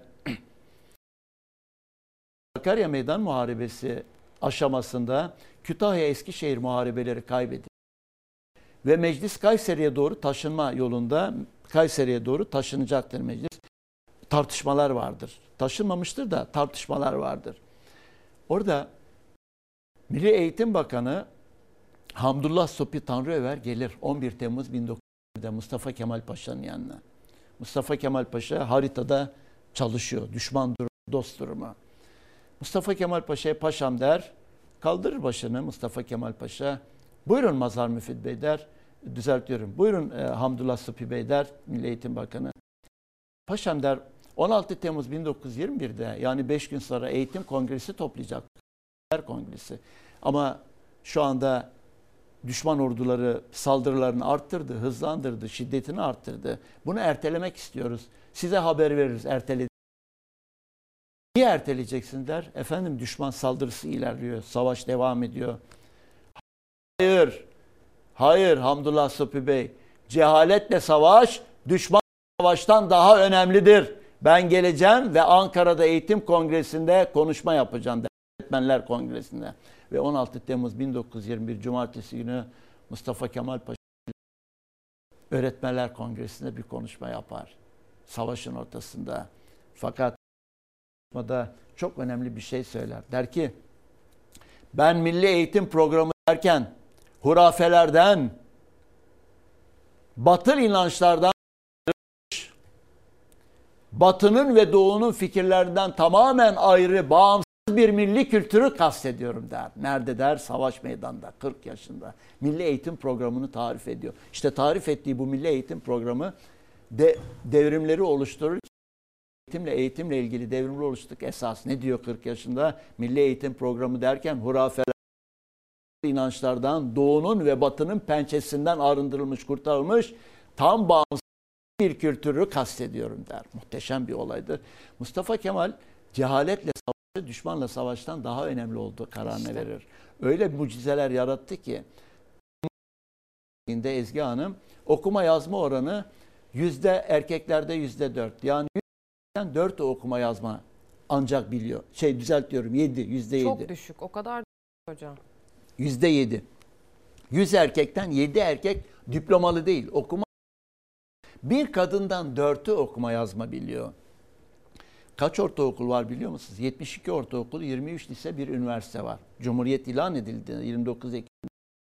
İşte böyle bir felaket tablosundan, faciadan ne yaptı Mustafa Kemal Paşa? 3 yıl sonra Türkiye'de milli uçak fabrikasını kuruyor ve uçak üretilmeye başlıyor. Böyle bir cehaletin zirvede olduğu bir eğitim düzeninden ve mesela 137 doktor var ve 60 eczacı var, 160 e, sağlık memuru var. 337 doktorla başladığı bu cumhuriyette Mustafa Kemal Atatürk bir mucize yaratıyor ve 1938'de Türkiye kendi etmeye başlıyor. 15 İnanılmaz yıl sonra. Gerçekten. Ve Çin'e Çin'e 1 milyon 1938 kolera salgını yaygın dünyada Çin'e bakın Çin'e Türkiye Cumhuriyeti Devleti 1 milyon ünite kolera aşısı yardımı gönderiyor. İşte Evet. Ve bu bugün... felaket tablosundan 337 doktordan ve evlerin %97'sinde Cumhuriyet ilan edildiğinde tuvalet yok. 100 evin 3'ünde tuvalet yok. Bütün evler var. 3 milyon 13 milyon Türkiye'nin nüfusu 3 milyonu travma hastası, sıtma, verem, tifo, dengi gibi hastalıklar salgın. Salgın ve ülke 10-11 yıllık savaştan yeni çıkmış. Köyde genç erkek bulmak mümkün değil. Erkeklerin çoğunun kaybedilmiş. Kahraman Gazi. İşte böyle bir ortamda böyle Cumhuriyet ilan edildiğinde siz muhteşem çağdaş Türk kadınısınız şu anda. ve moderatörlük Cumhuriyeti temsil ediyorsunuz. Atatürk'ün Cumhuriyetini. 1923'te Cumhuriyet kuruldu. Ezgi Hanım nüfus sayımında sayılmıyor kadın. Sayılıyor. Çok özür dilerim. Büyükbaş hayvanlar, eşekler, inekler, katırlar kadın sayılmıyor. Ve çok çabalıyor Mustafa Kemal Paşa kadınların sayılır. Nihayet 1926'da dört kadınla evlenen evlenme, işte mahkemede e, Kabul etmeme. kabul edilmeyen, e, miras hakkı tanınmayan kadın, pilot olması, profesör olması, doktor olması, savcı olması, hakim olması, avukat olması, zaten nüfus sayımındaysa bu kadın 1926 yılında 3 yıl sonra muhteşem bir devrim. Türk kadınına, erkekle toplumda eşit haklarını veriyor. Ama 1934'te milletvekili seçme seçilme hakkını verdiğinde İtalya'dan, Fransa'dan, Japonya'dan, İsviçre'den 37 yıl önce, onlar 37 yıl sonra, 12-15 yıl sonra kendi kadınlarına bu hakkı tanıyor. Ama son günleri tabii hüzün vericidir. Bilmiyorum oraya gelecek miyiz? Tabii son ki geleceğiz hocam. Tamam. Son günleri Siz bir soluklanın. değerli izleyenlerimize onu çok özetle anlatalım. Atatürk'ün hastalığı çok e, kötü geçer. Çok hüzünlü, acıklı geçer. Bir dramdır Atatürk'ün hastalığı. Zaten fotoğrafları çok meşhurdur Evet, ya. evet. Milletine adadı tabii her şeyini. 50'den 50'ye 1900 evet 1937'de hastalığı artık ortaya çıkar, kaşınma başlar. Başbakan Celal Bayar gelir der ki paşam der devlet işlerini yürütürken size bir yabancı hekim, yabancı doktor getirelim der. Mustafa Kemal Atatürk der ki sevdiklerine çocuk diye hitap eder. Çocuk çocuk eğer yabancı doktor getirirseniz bütün dünya benim hasta olduğumu anlar. Hatay'ı elden çıkarırız. Hatay'ı kurtaramam der. Neden? Hatay benim şahsi davamdır der. Ben milletime söz verdim. Hatay'ı Türk topraklarına katacağım der. Fakat ilerler 15 Mart 1938'e geldiğimizde Celal Bayar tekrar devlet işleriyle görüşürken bu kez ısrar eder. Paşam derse yabancı bir hekim getirelim der. Önemli Atatürk o zaman çaresiz der ki çocuk çocuk ne yapacaksan çabuk yap ben hastayım der. Yabancı hekim getirilir, teşhisi konur, te- tedavi olmaya başlar. Fakat yıl, günler ilerler, hastalığı artar. Doktorların karşı dinlenme e, isteğinde, dinlenme dinlenmeleri için doktorlar ısrar ederler. Yataktan kalkmamasını tavsiye rapor yazarlar. Buna rağmen Mustafa Kemal Atatürk Adana ve Mersin ziyareti fotoğrafı gelirse arkadaşlar 20 Mayıs'ta 20 Mayıs'ta Mersin'e 24 Mayıs'ta doktorların karşı çıkmalarına rağmen amaç nedir? Fransızlara gözdağı vermek, Fransız ordusuna gözdağı vererek onlara Ben buradayım diyor. Yani ben hiçbir yere gitmedim. Meydan boş değil Evet. diyor. Ben gerekirse savaşırım. Ben hasta değilim. Savaşı göze alıyorum. Mersin Adana'dayım. Size meydan okuyorum. Hatay'ı verin ya da işgal etmekten vazgeçin. Mesaj vermek için. 20 Mayıs'ta Mersin'e gider. 24 Mayıs'ta 4 gün sonra Adana'ya gider ama Mersin'e gittiği zaman bu fotoğraf dikkat edin bitkindir bu fotoğrafta zaten. Bunlar gerçek fotoğraflardır.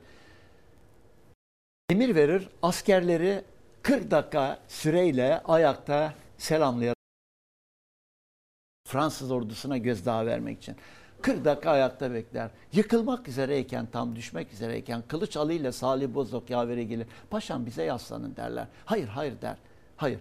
Askerlere marş marş koşarak geçmeleri emrini verir. Askerler koşarak geçerler. Akşam odasına çek ateşi 39 derecenin üzerine çıkmıştır. Akşam odasına çekildiğinde burnundan kan gelir. Buna rağmen Adana ziyaretini ertelemez, iptal etmez. Neden? Hatay benim şahsi davamdır ve milletime söz verdim alacağım. Adana'da da aynı töreni yapar. Aynı şekilde ateşi yükselir. Rengi sapsarı olur. Odasına çekildiğinde yine kan gelir. Bu son yurt gezisi olacaktır. Bir daha milletiyle hiçbir zaman karşılaşamayacaktır. Oradan Ankara'ya, İstanbul'a gider. Orada artık hasta yatağında olacaktır. Hiçbir ziyarette bulunamayacaktır. Hatay onun ömrünü aldı bitirdi. Hatay daima birinci öncelik aldı onun için. Hastalığını, sağlığını ikinci derece itti. Ezgi Hanım ben Hataylıyım. Hatay Atatürk'ün emanetidir ve Atatürk Hatay şehididir. Eğer doktorların tavsiyesine uysaydı büyük bir ihtimalle daha uzun yaşama imkanına sahip olacaktı. Onun için elbette herkes Atatürk'ü çok sever. Siz de çok seversiniz ama siz bir seviyorsanız ben Hataylı olarak on severim Atatürk'ü. Evet. Eğer Hatay Türk topraklarında olmasaydı Suriye'de İdlib gibi İdlib'e sınırdır. El-Kaide terör örgütlerinin cirit attığı, kafa kestiği bir coğrafya olacaktı. Kan, gözyaşı ve acının dinmediği. Onun için ben Hatay'da doğdum. Atatürk'e şükran borçluyum. E, ve Hatay'a Atatürk ömrünü verdi. Daha sonra hastalığı ilerler. Eylül'ün başına geldiğimizde Hasan Rıza Soyak'a der ki çocuk der durum ciddi der. Yarın ne olup olacağı belli değil. Noteri çağırın der. Ben vasiyetimi teslim edeyim der. 6 Eylül'de çağırırlar noteri İstanbul'da Dolmabahçe Sarayı'nda odasında. El yazısıyla yazdığı bizim bildiğimiz vasiyeti vardır. O vasiyeti el yazısıyla zarfa koyar. Ben öldükten sonra gereğini yaparsınız. Atatürk 10 Kasım 1938'de ölümsüzlüğe adım attıktan birkaç gün sonra vasiyeti Kasım 1938'de açılır ve gereği yapılır. Orada işte İsmet İnönü'nün çocuklarına eğitimleri bitinceye kadar işte kendi manevi kızlarına, kız kardeşi Makbule'ye, işte İş Bankası'na, Cumhuriyet Halk Fırkası'na verdiği Halk Partisi vasiyeti vardır Vasiyetleri. mirasıyla ilgili. Milletine bütün varlığını bağışlamıştır. Hiçbir şeyini bırakma. Hiçbir şeyini bırak. Bir kuruş bile bırakmamıştır. Ve günler ilerler Afet İnan, Makbule Hanım kardeşi Afet İnan bilim insanı Türk kadını için Gök Sabiha Gök olmuş Türk kadını için modernleşme Manevi projesinin kızı. bir halkası. Çok gurur duyar. Onları sever tabii. Afet İnan çıkar Eylül'ün ortalarına doğru. Afet İnan'a der ki tabii ağırlığı artık yavaş yavaş 42 kiloya kadar düşmüştür. Deri kemik kalmıştır. Kal- Böyle biraz oturur acele. Ölüm demek böyle olacak kızım der. Evet bu sözleri aslında çaresizliğin bir itirafıydı. Sonra odasında dört mevsim bir tablo var. Rus ressamın hediye ettiği. Tabloya böyle uyandığında bakar. Afet inan der ki Afet, Afet şöyle bir yere gidelim. Ormanlıklı, ağaçlı güzel bir yere. Bir oda, bir küçük bir oda olsun. Orada yaşarız Afet. Hele ben bir yolu olayım da der. Hem umudu vardır ama hem de çaresizdir. Nihayet 5 Kasım 1938'e geldiğimizde Celal Bayar çıkar devlet işi için. Bakın 5 gün önce devlet işi devam ediyor. Son saatine kadar. Celal Bayar'la Atatürk arasında hafif bir görüşme olur, bitkindir. İkisi birbirlerini son defa gördüklerinin farkında değillerdir. Artık bir vedaydı bu. 6 Kasım 1938'de çok ilginç bir olay yaşanır. Sevdiği üç kadın, kız kardeşi Makbule, Sabiha Gökçen pilot ve bilim insanı Afet İnan, üçü birden Atatürk'e huzuruna çıkarlar hasta odasına. Ön sezileri kuvvetlidir sanıyorum anlamışlardır. Zar zor konuşur tabii. Ellerini öperler, okşarlar. Bu hüzünlü bir vedaydı. Bir daha birbirlerini göremeyeceklerdi. 7 Kasım 1938'de doktorlarına der ki su iyice toplanmıştır karnında. Daha önce bir defa su alınmıştır. Yaklaşık 10 litre kadar almışlar. Evet. Doktorlar endişe eder su alınmasından, sağlık durumu nedeniyle. O zamanki tıp bir gelişmemiş. Der ki doktorlara ne olacaksa olsun der. Alın suyu der. Alırlar. İlaçların etkisiyle biraz uyur. 8 Kasım 1938 akşam 19'a doğru yani 7'ye doğru salı günü akşam uyanır. Hasan Rıza Soyak yanındadır genel sekreter. Doktorlar yanında. Sorar. Hasan Rıza Soyak bağırır. Efendimiz saat 19 akşam 7 7 akşam 7 der. Doktor endişelenir. Doktor efendimiz dilinizi uzatın, dilinizi uzatın der. Tabii midesi de bulanma, biraz yataktan doğrulmak ister o anda. Midesi bulanmaktadır o anda. Dilini uzatamaz. Muzaffer Başkomutan dilini ancak yarıya kadar çıkarır. Efendim dilinizi uzatınız der. Doktorun dilini uzatamaz. Yanındakilerin anlarına göre bakar şöyle ve son sözcüğü, son kelimesi ve aleykümselam diyerek geçer. Son derin komaya girmiştir. Son 38 saatlik son derin komaya girmiştir. 38 saat uyur derin komada. 10 Kasım 1938 saat 8'de doktorlar serum verirler normal. Ancak son serum verdiklerinden farkında değillerdir. Sonra 9'a doğru 9'da kalbi hızla inip kalkmaya başlar yorganın altında. Hasan Rıza Soyer Kılıç Ali'ye der ki yanındaki Kılıç Ali'ye Kılıç Kılıç bak koskoca tarih göçüyor der. Koskoca tarih göçüyor der. 9'u 5 geçe nihayet ölümsüzlüğe adımını atar. Ölümsüzlüğe yürür. Profesör Doktor Mim Kemal Öykü kapatır açık gözlerini. Ve diğerleri ellerini öper, yorganın altına koyarlar. Salih Bozok tabii bilincini kaybeder yaveri. Yıllardır yanında yaveri olan sırdaşı. Hemen bilincini kaybeder. Telaşla oda iner Dolmabahçe Sarayı'nın zemin katına, tören salonuna. Bir boş oda bulur. Kapıyı sertçe kapatır, girer. İçeriden tabanca sesi, ateş gelir. Kalbine sıktı tek kurşun da yer serilir. Der ki ben Atatürk'ün der ölümünden sonra hayat bitmiştir der kendi kendine der. Ondan sonra fakat çok olay bir olay, önemli bir olay. Defterine şu son söz yazılır. Ezgi Hanım. Büyük şefimiz saat 9'u 5 geçe hayatı terk etmişlerdir. Son cümle böyledir nöbette. Fakat çok olay bir dünya tarihinde görülmeyen bir olay yaşanır. 10 Kasım 1938'de General Birdwood, Mareşal Birdwood fotoğrafı ajanslar bütün dünyaya duyurur tabii. O zaman radyo var sadece. Hı hı. 10 Kasım 1938'de Türkiye Cumhuriyeti Devleti'nin kurucusu Atatürk vefat etmiştir. Devlet töreni Ankara'da 21 Kasım'da yapılacaktır. İşte kim katılacaksa büyük elçilikler vasıtasıyla müracaat. İngiltere'de hasta yatağında 80 yaşında Mareşal Birdwood var. Yatıyor.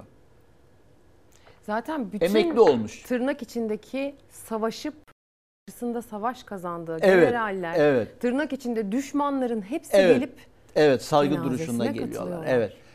Duyuyor tabii 80 yaşında yaşlı kan dolaşımı problemi var. Doktorlara diyor ki doktorların nezaretinde Maraşal emekli bir general İngil İngiltere olan ben Atatürk'ün cenaze törenine katılacağım der. Doktorlar tebessüm eder. Allah herhalde aldığı ilaçların yan etkisiyle bizim Maraşal bilincini kaybetti derler yani. Ankara'ya, Türkiye'ye gidecek. O ulaşım koşullarında. Sayın Maraşal der bırakın siz Türkiye'ye gitmeyi, evinizin dışına çıkmayın. Lütfen oturun oturduğunuz yerde. Ayağınızda kangren tehlikesi var, kan dolaşım problemi var. Ayağınızı kesersek kan kaybından ölürsün. Onun için lütfen otur. İnatçıdır bu. İngiliz hükümetinden izin alır. Ve şurada değerli izleyenlerin ekranda görüyor. Maraşal Birdwood gelir bu 80 yaşında. Maraşal üniformasını kuşanır, kılıcını kuşanır, asas, asasını alır ve asasıyla İngiliz Maraşal Birdwood Mustafa Kemal Atatürk'ün 21 Kasım 1930 cenaze töreni naaşı geçici olarak etnografya müzesine kaldırılacaktır. Orada kortejde yürüyemediği için ayağı şiş kortejde yürüyemez. İngiliz Büyükelçiliği onu bakın halk evi balkonda koyarlar. Arkasında arkasında diğer resim gelirse arkasında vardır. Düşmesin diye koltuk koyarlar. Bakın. Hmm. İngiliz Büyükelçiliği çünkü düşer. Şiş ayağın altına da minder koyarlar. Peki bu 80 yaşında ölümü göze alarak o koşullarda, o ulaşım koşullarında Londra'ya gelen bu çılgın general Mareşal kim? 1915'te 34 yaşında genç, cesur, gözü kara, Albay Mustafa Kemal'in karşısında savaşan ama Mustafa Kemal'e karşı yenilen Anzak Birlik Komutanı İngiliz Tu General William Birdwood. Savaşta yendiği düşmanının Ezgi Hanım 5000 yıllık yazılı tarihte bir ilkti. Onun için Atatürk kıskandığı lider. Muhteşemdir bu. Bu dünya Hocam, tarihinde görülmemiş. O kadar anlatıyorsunuz ki Evet. bölmek istemiyorum. Son bir dakikamız kaldığını Aa, hatırlatmak zorundayım. Tamam o zaman ben şiiri okuyayım. Geçelim ne O yapalım? tamamını sığdıramayabiliriz. O zaman ne- Ona göre ayarlayın isterseniz. Bir sonraki programa Bir sor. O alacaklı zaman olalım. şiir okumayalım. Başka bir şey var. Bir şey söyleyelim. Şu anda Ezgi Hanım Hindistan kurucusu Mahatma Gandhi der ki biz İngilizleri evet, Mustafa Kemal İngilizleri İngilizleri tanrı zannederdik der. Mustafa Kemal sadece Türkiye için değil bir meşale ışığı olmuştur. Ve bana Cumhuriyeti ya da Mustafa Atatürk'ü tarif eden Atatürk akıl, bilim, tam bağımsızlık, anti-emperyalizm ve umut, umut, umut demektir.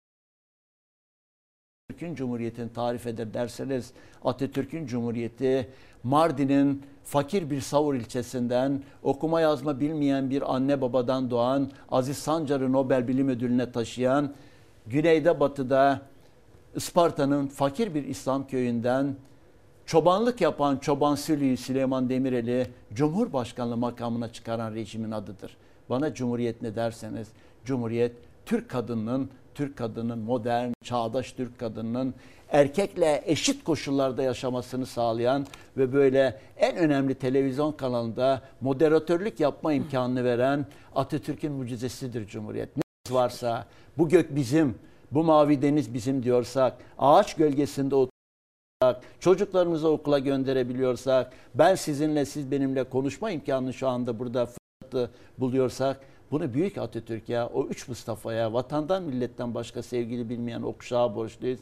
Ruhları şad olsun diyorum. Değerli izleyenlere Atatürk'le kalın, Cumhuriyet'le kalın, umutla kalın ama sağlıkla kalın diyorum.